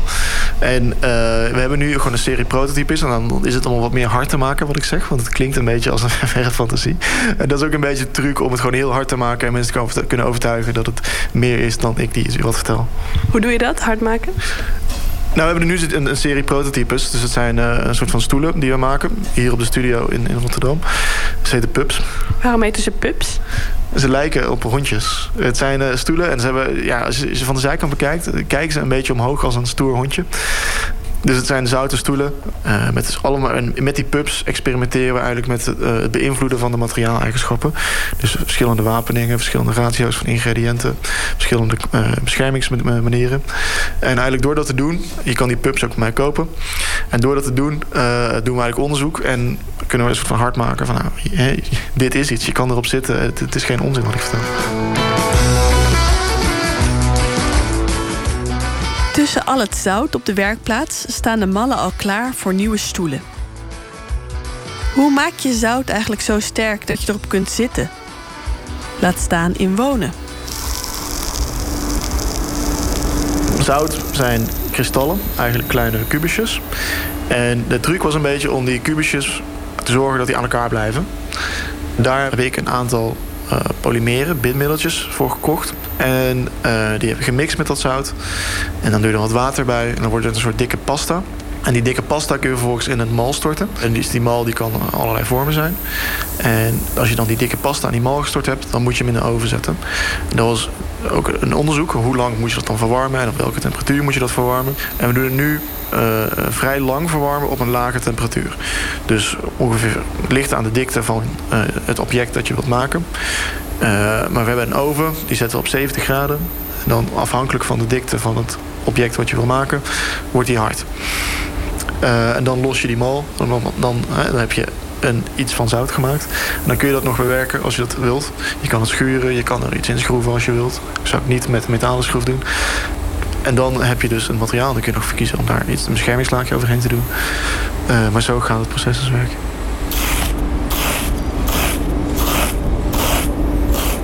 Zitten er ook nog nadelen aan, aan, deze, aan dit materiaal voor, een, voor het bouwen van een stad? Ehm, nou ja, het feit dat je het moet beschermen, zodat het maar dat niet voor de hele wereld kan. Beton kun je overal gebruiken. Dit is echt voor bepaalde plekken bedoeld. Het is ook het is minder sterk dan gewapend beton. Dat kan misschien ook omdat door beton al 2000 jaar engineering in zit. Hier niet. Ehm, Wat betekent dat, dat het minder sterk is? Nou, met gewapend beton, dus, eh, je kan heel high performance beton maken. Dat is gewoon heel erg sterk. En daar kun je wolkenkrabbers mee bouwen. Nou, dat zal met dit spul niet lukken. Ik denk niet dat je hoger dan de kant dan drie lagen bouwen. Dus je zal er geen eh, hoge torens van gaan bouwen. Maar zou jij je wel veilig voelen om erin te wonen? Ja, ja. Nee, dat, ik, ik zou me daar prima eh, eh, onder een zouten dak kunnen wonen. ja.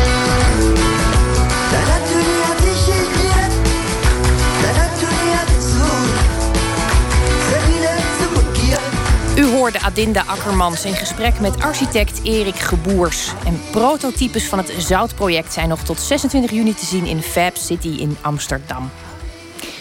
Van de Brits-Oegandese zanger Michael Kiwanuka. Ik, ik val altijd weer over die naam. Daar moet hij toch ook eens iets aan doen.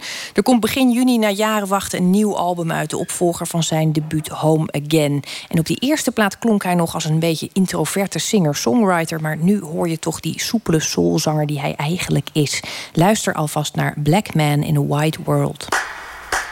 I've been low, I've been I've been sold all my lies. I've got nothing left to play. I've got nothing left to say. I'm a black man in a white world. I'm a black man in a white world. I'm a black man in a white world. I'm a black man in a white. I'm in love, but I'm still sad. I found peace, but I'm not glad. All my nights and all my days, I've been trying to run away. I'm a black man in a white world. I'm a black man in a white world. I'm a black man in a white world. I'm a black man in a white world. Like I've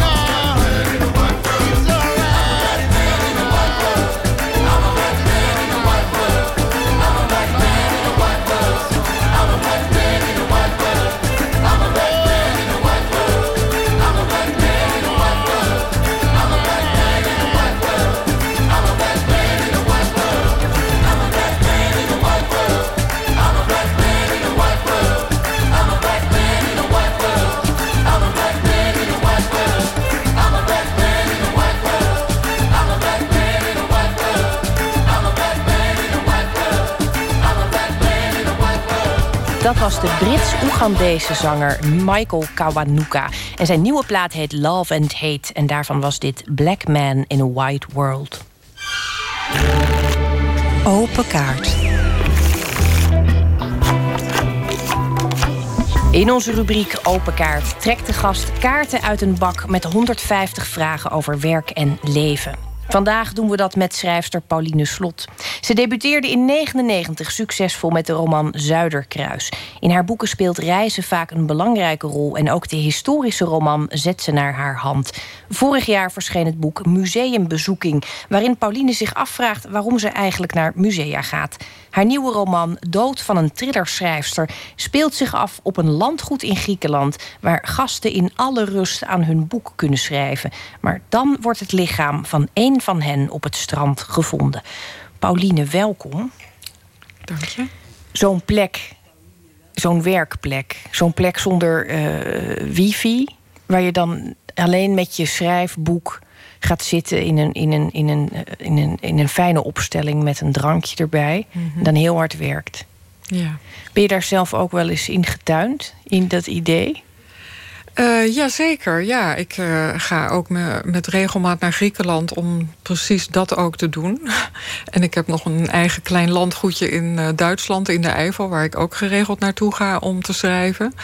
Maar ik moet zeggen dat het me ook prima uit, afgaat om gewoon thuis te schrijven. Dus ik heb het niet per se nodig. Maar je ziet wel dat veel mensen die een heel druk bestaan hebben... dat die die behoefte wel hebben. En als je natuurlijk echt veel wil schrijven... dan moet je gewoon zorgen dat je geen druk bestaan hebt. En dat lukt mij dan weer vrij aardig. Er zit een hele grote eh, markt voor dit soort processen, heb ik ontdekt. Er is enorm veel vraag naar eh, Ja. schrijfplekken. Het is ook een hele spannende setting, want je zet allemaal mensen met schrijfambitie bij elkaar. Dat zijn ook vaak mensen die elkaar dan erg goed in de gaten gaan houden. Mhm. en, en er ontstaan al heel snel onderling allerlei dingetjes. Had jij die setting in je boek direct dat je dacht: dit is een hele fijne, een heel fijn uitgangspunt? Ja, ik had heel veel zin om een verhaal te schrijven... waarin ik ook kon, eh, eh, ja, de, de boekenwereld een beetje onder de loep kon nemen. Waarin ik me af kon vragen... waarom willen wij eigenlijk schrijven? Wat is daar eigenlijk zo aantrekkelijk aan? En ook wat zijn alle verwachtingen die daar eh, kennelijk bij horen? Mensen die aan het schrijven gaan... hebben vaak ook eigenlijk heel veel verlangens. Verlangen naar erkenning, verlangen naar ja, iets uitspreken... wat ze nog niet eerder hebben kunnen uitspreken. En je merkt ook, eh, als ik doe vaak begeleidingen ook wel van dat soort eh, weken en ook op allerlei andere manieren, dat, nou ja, dat mensen het gevoel hebben van als ik dan maar dat boek geschreven heb en dat komt ook naar buiten, dan ja, wordt er iets geheeld of dan gaat er iets helemaal goed komen in mijn leven. Nou, en ik kan inmiddels uit ervaring vertellen dat dat natuurlijk helemaal niet eh, is wat er, wat er gebeurt. Ehm, maar het is altijd aan de ene kant heel mooi om te zien dat mensen dat hopen en verlangen. En aan de andere kant ook eh, te zien ja, dat dat natuurlijk veel gecompliceerder ligt dan ze zelf misschien eh, denken. Uiteindelijk eh, is natuurlijk de bedoeling van al die schrijfretretes het, het eindigen zoals vannacht geëindigd is met de Libris. Ja, er zijn grote dromen. Ik denk dat bijna iedereen die echt langdurig probeert te schrijven... en daar heel veel tijd in stopt... dat die eigenlijk in een geheim hoekje van hun hart... altijd eh, een hele grote droom hebben. En in de loop van zo'n schrijfweek valt ook eigenlijk bijna altijd... het DWDD-woord natuurlijk wel. Hè, van als ik dan straks bij DWDD zit... en dat is altijd een grapje... maar je hoort daar eigenlijk altijd ook wel het verlangen naar... nou ja, de erkenning. eh, en eh, daar is DWDD dan een soort symbool voor geworden. Ehm, dus ja, dat, dat drijft het wel heel erg aan, denk ik. Prachtig, lijkt me dat. Wil jij mij het genoegen doen een kaart te trekken uit onze befaamde inmiddels kaartenbak? Zeker. Wanneer heb je voor het laatst hard gelachen? Ehm, nou ja, ik lach eigenlijk best wel veel. Ehm, ja, ik moet bijvoorbeeld heel vaak om mijn hond lachen. Eh, daarom heb ik heel graag een hond. Omdat op een of andere manier eh, moet ik daar gewoon heel vaak om lachen. Ik heb vanmiddag eh, bijvoorbeeld even gevoetbald met mijn hond. Die houdt enorm, enorm van achter een bal aanrennen. En dat vind ik zelf ook heel erg leuk. En gewoon alleen al die sprongen die ze dan maakt... en die, dat enorme enthousiasme, ja, daar moet ik gewoon om lachen. Eh, dus dat is heerlijk. Lukt het je bij mensen ook om zo ongeremd vanuit je tenen, stel ik me voor, te schateren? Uh, ja, vaak wel. Mijn, mijn partner is, uh, vind ik, heel geestig. Dus ik moet vaak heel erg uh, met hem lachen. en dat vind ik heel erg fijn. En we merken ook altijd als we in Duitsland zijn op onze boerderij daar... dat we soms met Duitse buren samen even wat gaan drinken.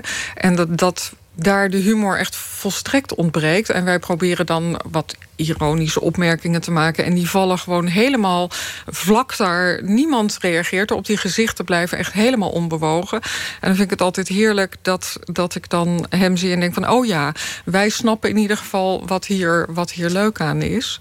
Uh, dus dat geeft ook altijd een gevoel van verbondenheid. Maar ik vind, ik vind het wel heel belangrijk om, om toch ook veel te lachen. Wat een merkwaardig volk uh, is het toch af en toe, de, de Duitsers. Ik, het is een ontzettend eh, hardnekkig vooroordeel... maar het wordt bij mij ook heel vaak weer bevestigd als ik in Duitsland ben. En ik zit daar ergens. Dat het, dat het, het is een, een, een complexe aangelegenheid om daar grappen te maken, toch? Ja, het is vreemd, want je denkt inderdaad... het is een cliché en uh, dan zal het dus wel niet waar zijn. Maar mijn ervaring is inderdaad dat het gewoon echt klopt. Ja. Dan hebben wij natuurlijk als, als Nederlands ook gewoon heel raar merkwaardig gevoel voor humor. En zeker als je er dan ook nog bij schrijft. Trek nog een kaart, alsjeblieft. Ja. Wat was je bijbaan? Uh, over welke periode in het leven spreken we dan? Ja, wanneer heb je een bijbaan? Uh, tijdens je studie of als je net begint met het schrijven van een roman en uh, niemand zit daarop te wachten? Ja. Um, ja, tijdens mijn studie. Ja, ik heb, mijn eerste bijbaan was eigenlijk uh, dat ik in een, uh, in een instelling voor verstandelijk beperkt heb gewerkt vroeger. Um, wat, wat moest je daar doen? Ja, daar, daar, deed ik, daar verving ik mensen in de vakantie. ik had helemaal geen opleiding of zo, maar dat was, dat was wel heel leuk werk. Vond ik wel heel fijn. En ja, later, toen ik, toen ik eenmaal ging schrijven... toen ik het idee voor Zuiderkruis had opgedaan... Uh, en ik dacht van dat moet ik dan maar gaan schrijven. En er moet dus ook wel wat naast gewerkt worden nog. Uh, ja, ben ik eigenlijk gewoon freelance gaan werken. Omdat je daar dan prettige tarieven kunt vragen. Uh, en dus niet heel veel uren hoeft te maken om toch uh, geld te verdienen. En kon ik daarnaast heel, heel goed schrijven. Dus ja, eigenlijk alles wat ik doe in mijn leven zou je kunnen zeggen is een bijbaan.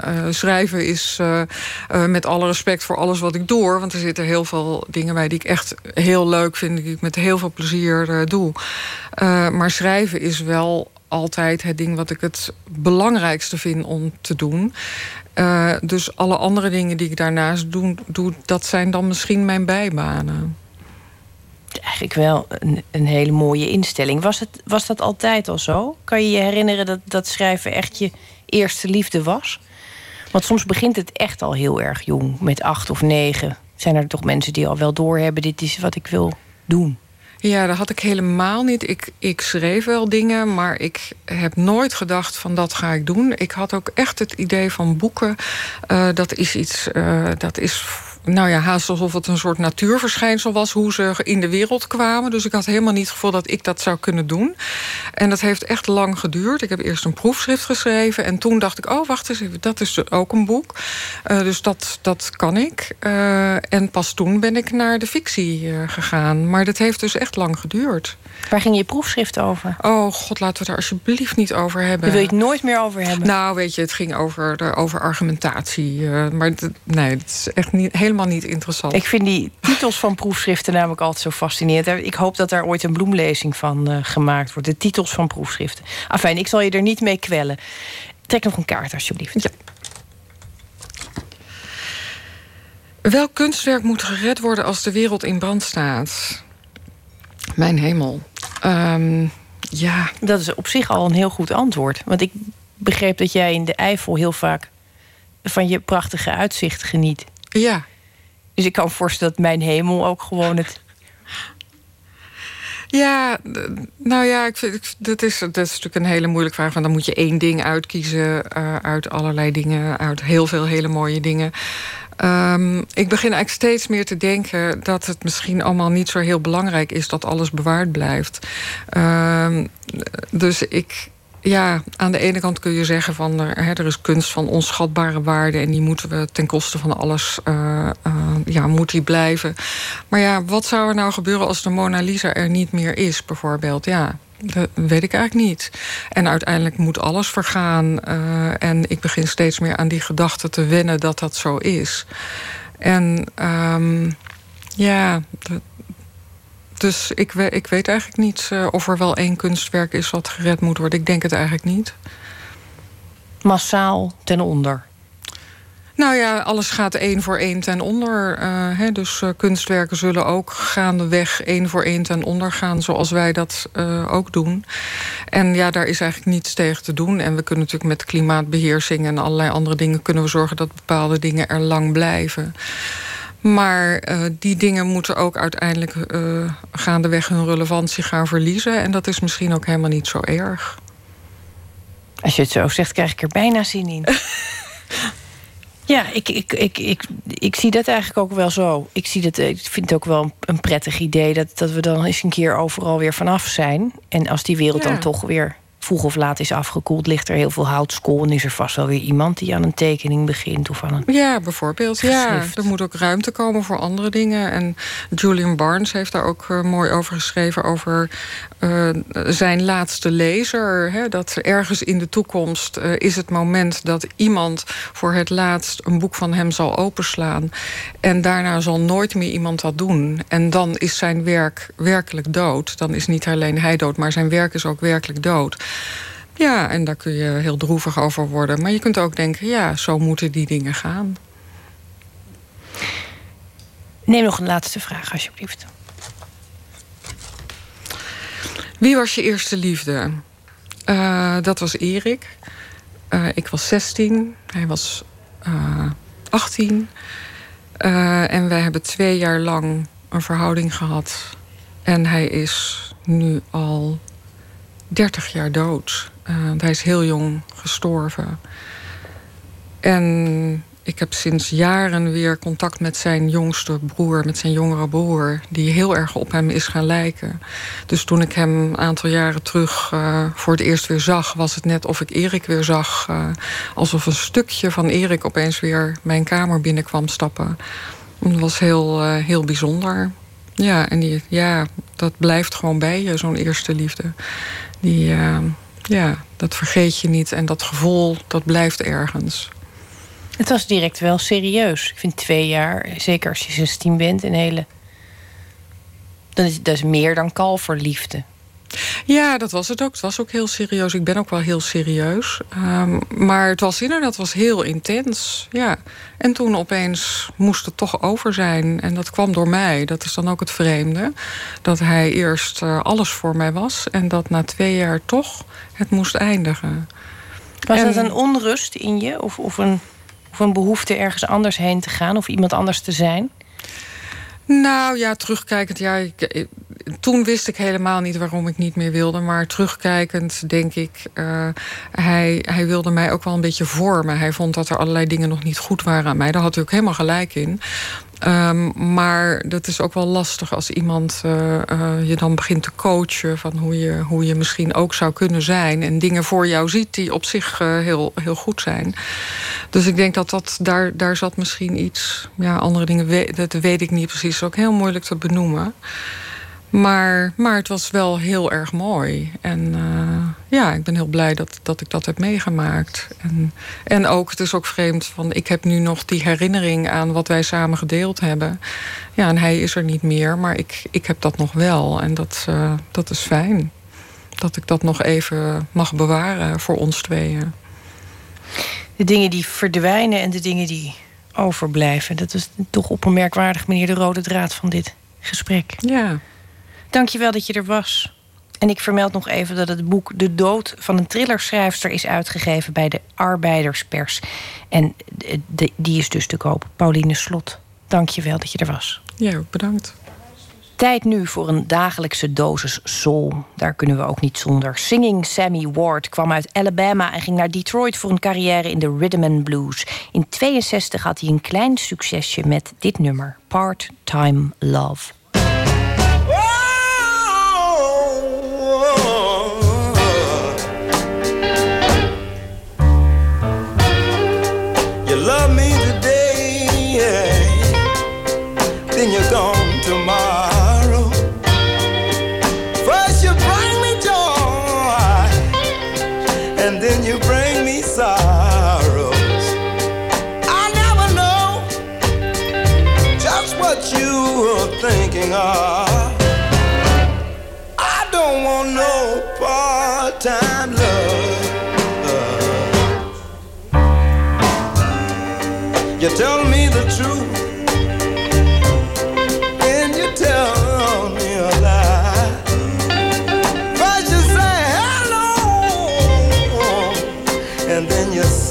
Goodbye.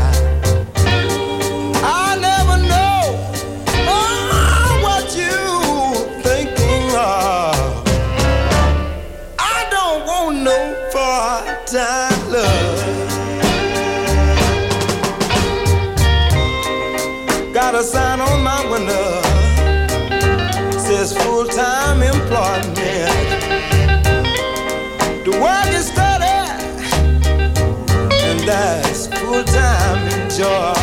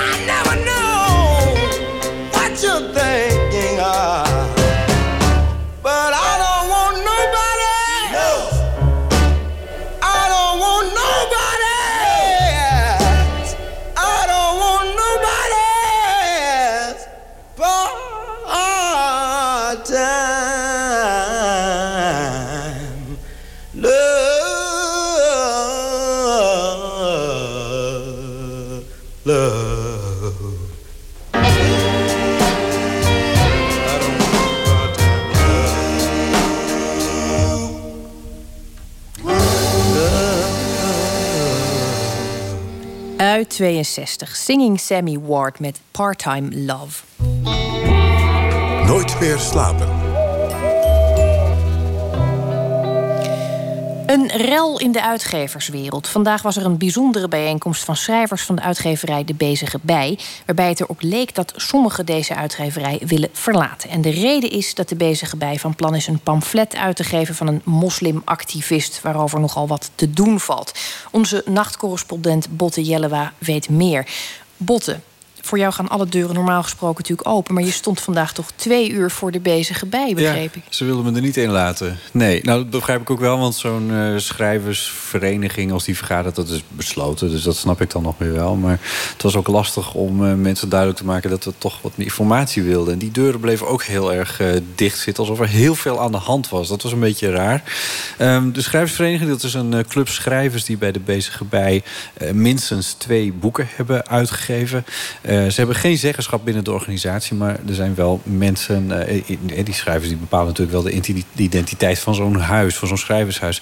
En de vraag is dan een klein beetje of de Vlaming Abu Jaya, want daar hebben we het over, die gaat dat pamflet schrijven, of die daarbij past. Ja, in februari heeft de bezige bij een contract getekend met eh, Abu Jaja om een editie te schrijven in de serie pamfletten. Eh, Dat, dat heet de Horselreeks. eh, Mooie deeltjes altijd. En tegen dat idee is protest gekomen. Wat, wat is eigenlijk de kern van het bezwaar? Ja, nou, dat is eigenlijk wat ze denken dat de boodschap van het pamflet gaat worden. En dat pamflet dat gaat heten Pleidooi voor radicali- radicalisering.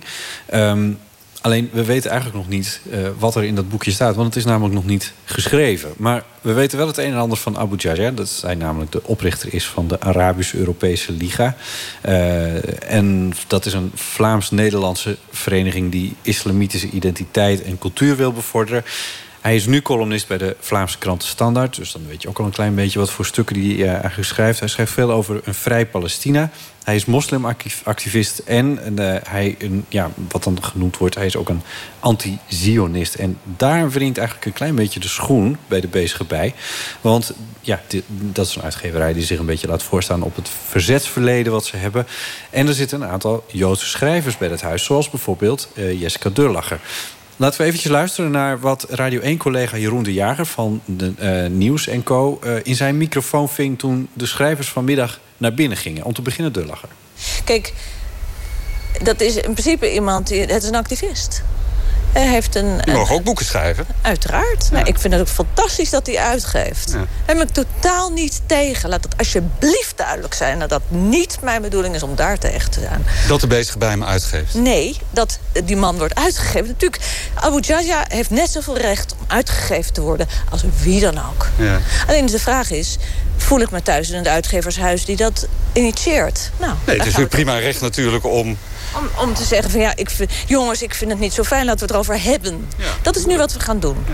Daarom ga ik nu naar de vergadering. Veel succes en wijsheid. Dank u. Eh, is het wel zo dat de bezig bij natuurlijk in essentie... in eerste laatste instantie literaire uitgeverij is.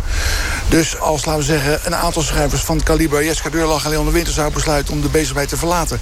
omdat eh, eh, onze Vlaamse vriend wordt uitgegeven... dan is dat een te hoge prijs in mijn ogen. Uiteindelijk komt het hierop neer dat ik vind dat je loyaal moet zijn aan de lui die je uitgeeft... en niet aan iemand die je nog moet gaan uitgeven. Dat, die laatste, dat was Tommy Wieringa. En daarvoor hoorde je Bartje Bot ook nog. Allemaal horende bij die schrijversvereniging van de Bezige Bij. En je hoort hier dus ook wat er een beetje aan de hand is. Ze beschouwen zichzelf als een soort ja, familie. En vragen zich af of Abu Jaja of die erbij hoort. Ja, er zitten natuurlijk wel eh, eh, pittige stemmen ook tussen. Leon de Winter, de man van Jessica Duurlacher, schrijft af en toe behoorlijk eh, gepeperde pro-Israëlische stukken. Hij zit ook bij de bezige bij. De kwestie is dus ook, denk ik, of je vindt dat jouw uitgeverij een familie met een gemeenschappelijke identiteit is, of een huis van het vrije woord. Ja, nou, van die twee dingen. Hè. Hier lijkt het erop alsof die twee dingen niet te verenigen zijn op dit moment. En, en de voorstanders van het uitgeven zijn schrijvers als David van Rijbroek, Erwin Mortiers, Stefan Hertmans. Die laatste die schreef in de standaard... De bezige bij heeft een traditie hoog te houden... wat betreft het vrijwaren van het vrije woord. Dat moet vandaag binnen een geactualiseerd denkkader. En dat bedoelt u dus gewoon uitgeven. Want dit hoort er ook bij. Uitgesproken tegenstanders zijn dan weer Paul Scheffer... Marcel Meuring, Leon de Winter en Jes- Jeska Durlacher... NRC schreef zelfs, in april was dat... eh, dat de laatste twee dreigen om de bezige bij te verlaten... als het allemaal doorgaat. En daarom hebben ze dus vandaag vergaderd. Ja, het klinkt toch al met al als een redelijke schermutseling. Wat is er uitgekomen? Enig idee? Het duurde ongeveer twee uur, maar uiteindelijk kwam eh, de voorzitter van de schrijversvereniging even naar buiten om het te woord te staan. En dat is schrijver Allard Schreuder. Ik vroeg hem wat er nu gaat gebeuren. Niks. De, de schrijversvereniging is, zoals u weet, een zelfstandige vereniging. Staat los van de uitgeverij. Eh, wij steunen de uitgeverij. Eh, dat is, dat is de eh, aard en wezen van de vereniging. En dat doen wij met geld, maar ook met vergaderingen. En wij zijn ook altijd een beetje trots dat wij schrijvers van de bezige bij zijn. En als, dan, als er dan wat dingen zijn, dan kun je ons mobiliseren. Dat is dan gebeurd. Niet veel aan de hand, goed gesprek, zo te horen. Maar er was toch wel wat aan de hand, want over een paar weken moeten ze verder praten, zo vertelde u mij. En wat gebeurde er dan, vroeg ik Schreuder. Dan heeft iedereen over kunnen nadenken. En dan zal het nog wel een tweede ronde kunnen krijgen. En wat komt er dan? Weet ik niet. Maar een ja of een nee? En wat betekent het Nee, dan? nou, wij, wij kunnen geen ja of nee zeggen. We hebben geen, uitgever, we hebben geen verantwoording voor de... De uitgever beslist. Nou ja, als er mensen dreigen met opstappen... Nee, die dreigen niet meer opstappen. Is dat niet gebeurd? Nee. We hebben anders begrepen. Ja, jullie begrijpen zoveel anders wat dat betreft. Nee, dat is ook nooit het, nooit het eh, geval geweest. Dat is, eh, eh, niemand heeft gedreigd met opstappen. Ook vanmiddag niet? Ook vanmiddag niet en daarvoor ook niet. Nee, in NRC was het wel degelijk opgetekend. Maar het is dan dus ook niet voor niks dat deze bijeenkomst er vanmiddag was. Er is wel degelijk iets aan de hand. Er zijn negen schrijvers tegen het uitgeven van pleidooi voor radicalisering. Nou ja, goed, even aan de vraag was... moeten wij dit soort, eh, dit soort pamfletten eh, uitgeven? Is dat, de, de bezige bij is een literaire uitgeverij. En moeten we niet eerder op het literaire eh, element van een uitgave letten... dan op het eh, politiek-activistische? Nou ja, nou ja goed, daar, daar kun je een aardige boom over opzetten. Nou, die boom die staat daar nu. Ja, die boom die staat, maar ze zijn er ook nog niet helemaal uitgekomen. Over zes weken vergaderen ze verder. Allard Schreuder zei verder dat het eh, mogelijk is dat de bezige bij het pamflet... het pleidooi voor radicalisering niet gaat uitgeven. Maar benadrukte ook dat de schrijversvereniging daar zelf uiteindelijk niet over gaat. Met de bezige bij hebben we natuurlijk ook om commentaar gevraagd. Maar dat wilden ze niet geven. Potte Jellema, we houden het eh, in de gaten. Dank je wel voor je bijdrage. Graag gedaan. Morgenavond is het zover. Dan staat Douwe Bob in de halve finale van het Eurovisie Songfestival. En ter gelegenheid daarvan heeft hij natuurlijk ook een nieuw album uitgebracht. Full Bar. En daarvan is hier het nummer History. One, two, three,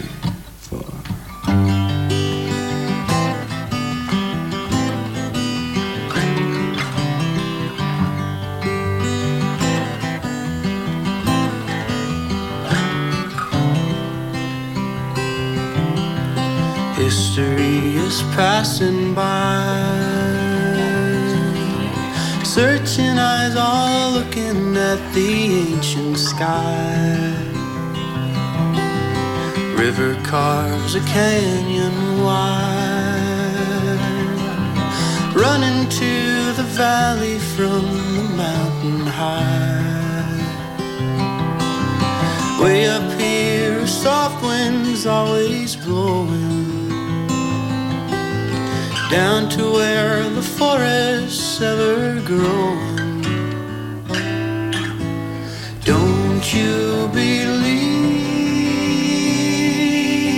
man is but a small grain in the sands of time? Don't you believe we are merely seconds to the years gone by? Let's make shine.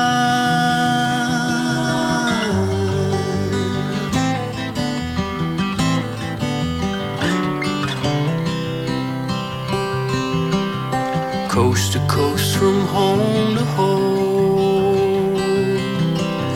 Riding over plains and passing ancient stones.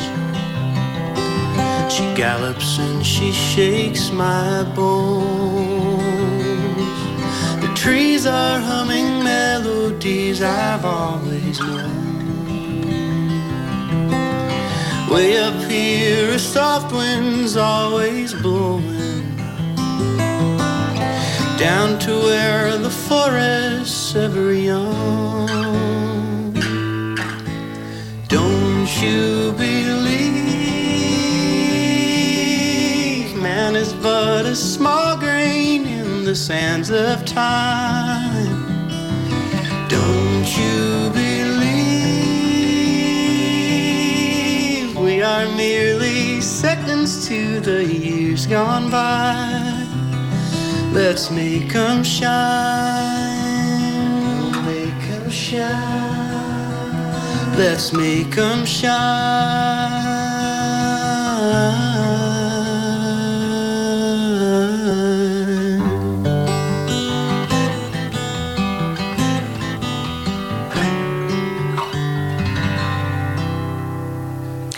Wij gunnen hem natuurlijk een glorieuze overwinning. Douwe Bob, morgen mag hij aan de bak op het Songfestival... en hier hoorde u hem met History. En ook deze week sluiten wij iedere nacht af met een gedicht. Een keuze dit keer van Diet Groothuis. Ze debuteerde in 2012 met de bundel Waar ik ben... met poëzie voor kinderen en anderen, zoals ze zelf zegt. En als poetsgoeroe publiceerde ze vorige maand het grote Poetsboek. Het eerste gedicht dat Diet Groothuis uitkoos... is dan ook Moeder Dicht van Annie M.G. Schmid. Een ode aan de huisvrouw in de vijftiger jaren.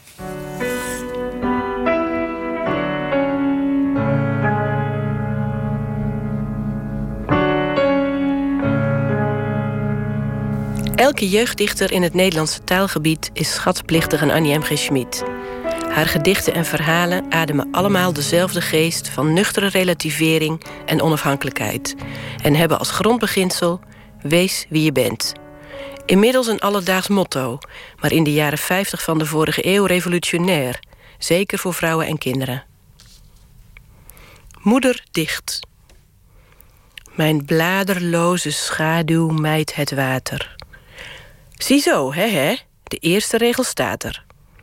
En speurt de witte angst van eeuwen later. Ga weg, ga spelen met je transformator.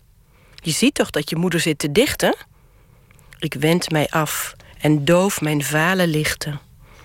Ik heb tedum, tedum, tedum geweten. Dat vul ik later in, na het middageten. Mijn weemoed maakt de koele vlinder wakker van mijn getooide zelf. Daar is de bakker, zeg maar een halfje bruin en een heel wit. O grijze schim die daar zo heilloos zit. Ik zie mijn grijze droefheid aan de kim. Dat is tweemaal grijs, dat kan niet. Naakte schim aan wie ik al mijn zachte treurnis zeg. En nog een rol beschuit. Oh, is die weg? Als dauw die druppelt van de trage bomen. Als jij nog één keer binnen durft te komen, dan krijg je geen vanillevla vanavond. Zo druppelt in dit hart te zeer gehavend. Je moeder dicht. Ze heeft geen tijd. Totaal niet. Als vader thuiskomt gaat het helemaal niet. Je moeder zou een Shakespeare kunnen zijn. Ze is het niet. Dat komt door jouw gedrein. Daar gaat hij weer. O, humtum, klaar en koel. In het land van late regen en ik voel mijn schamelheid. Een heer met een kwitantie? Zeg maar, mijn moeder is met kerstvakantie. Mijn schamelheid. Wat is dat? Hoofdje zeer? Mijn schatje toch. Gevallen met je beer? Je moeder komt. Na, na, daar is ze al. Wees nou maar zoet. Het genie staat weer op stal. U hoorde Diet Groothuis met Moederdicht van Annie M.G. Schmid. Ik vertel nog iets over morgen, dan komt Donald Nolet langs. In 2013 debuteerde hij als thrillerauteur met Versleuteld. Dat is een boek dat meteen met zowel de Gouden Strop als de Schaduwprijs werd bekroond. En nu verschijnt zijn tweede boek, Handschrift van de Duivel... waarin een jonge wiskundige een algoritme ontwikkelt... en zo een eh, manuscript gaat ontcijferen. Pieter van de Wielen voelt hem aan de tand en gaat met hem in gesprek. Hij is er morgen. Ik wens u voor nu een hele mooie nacht.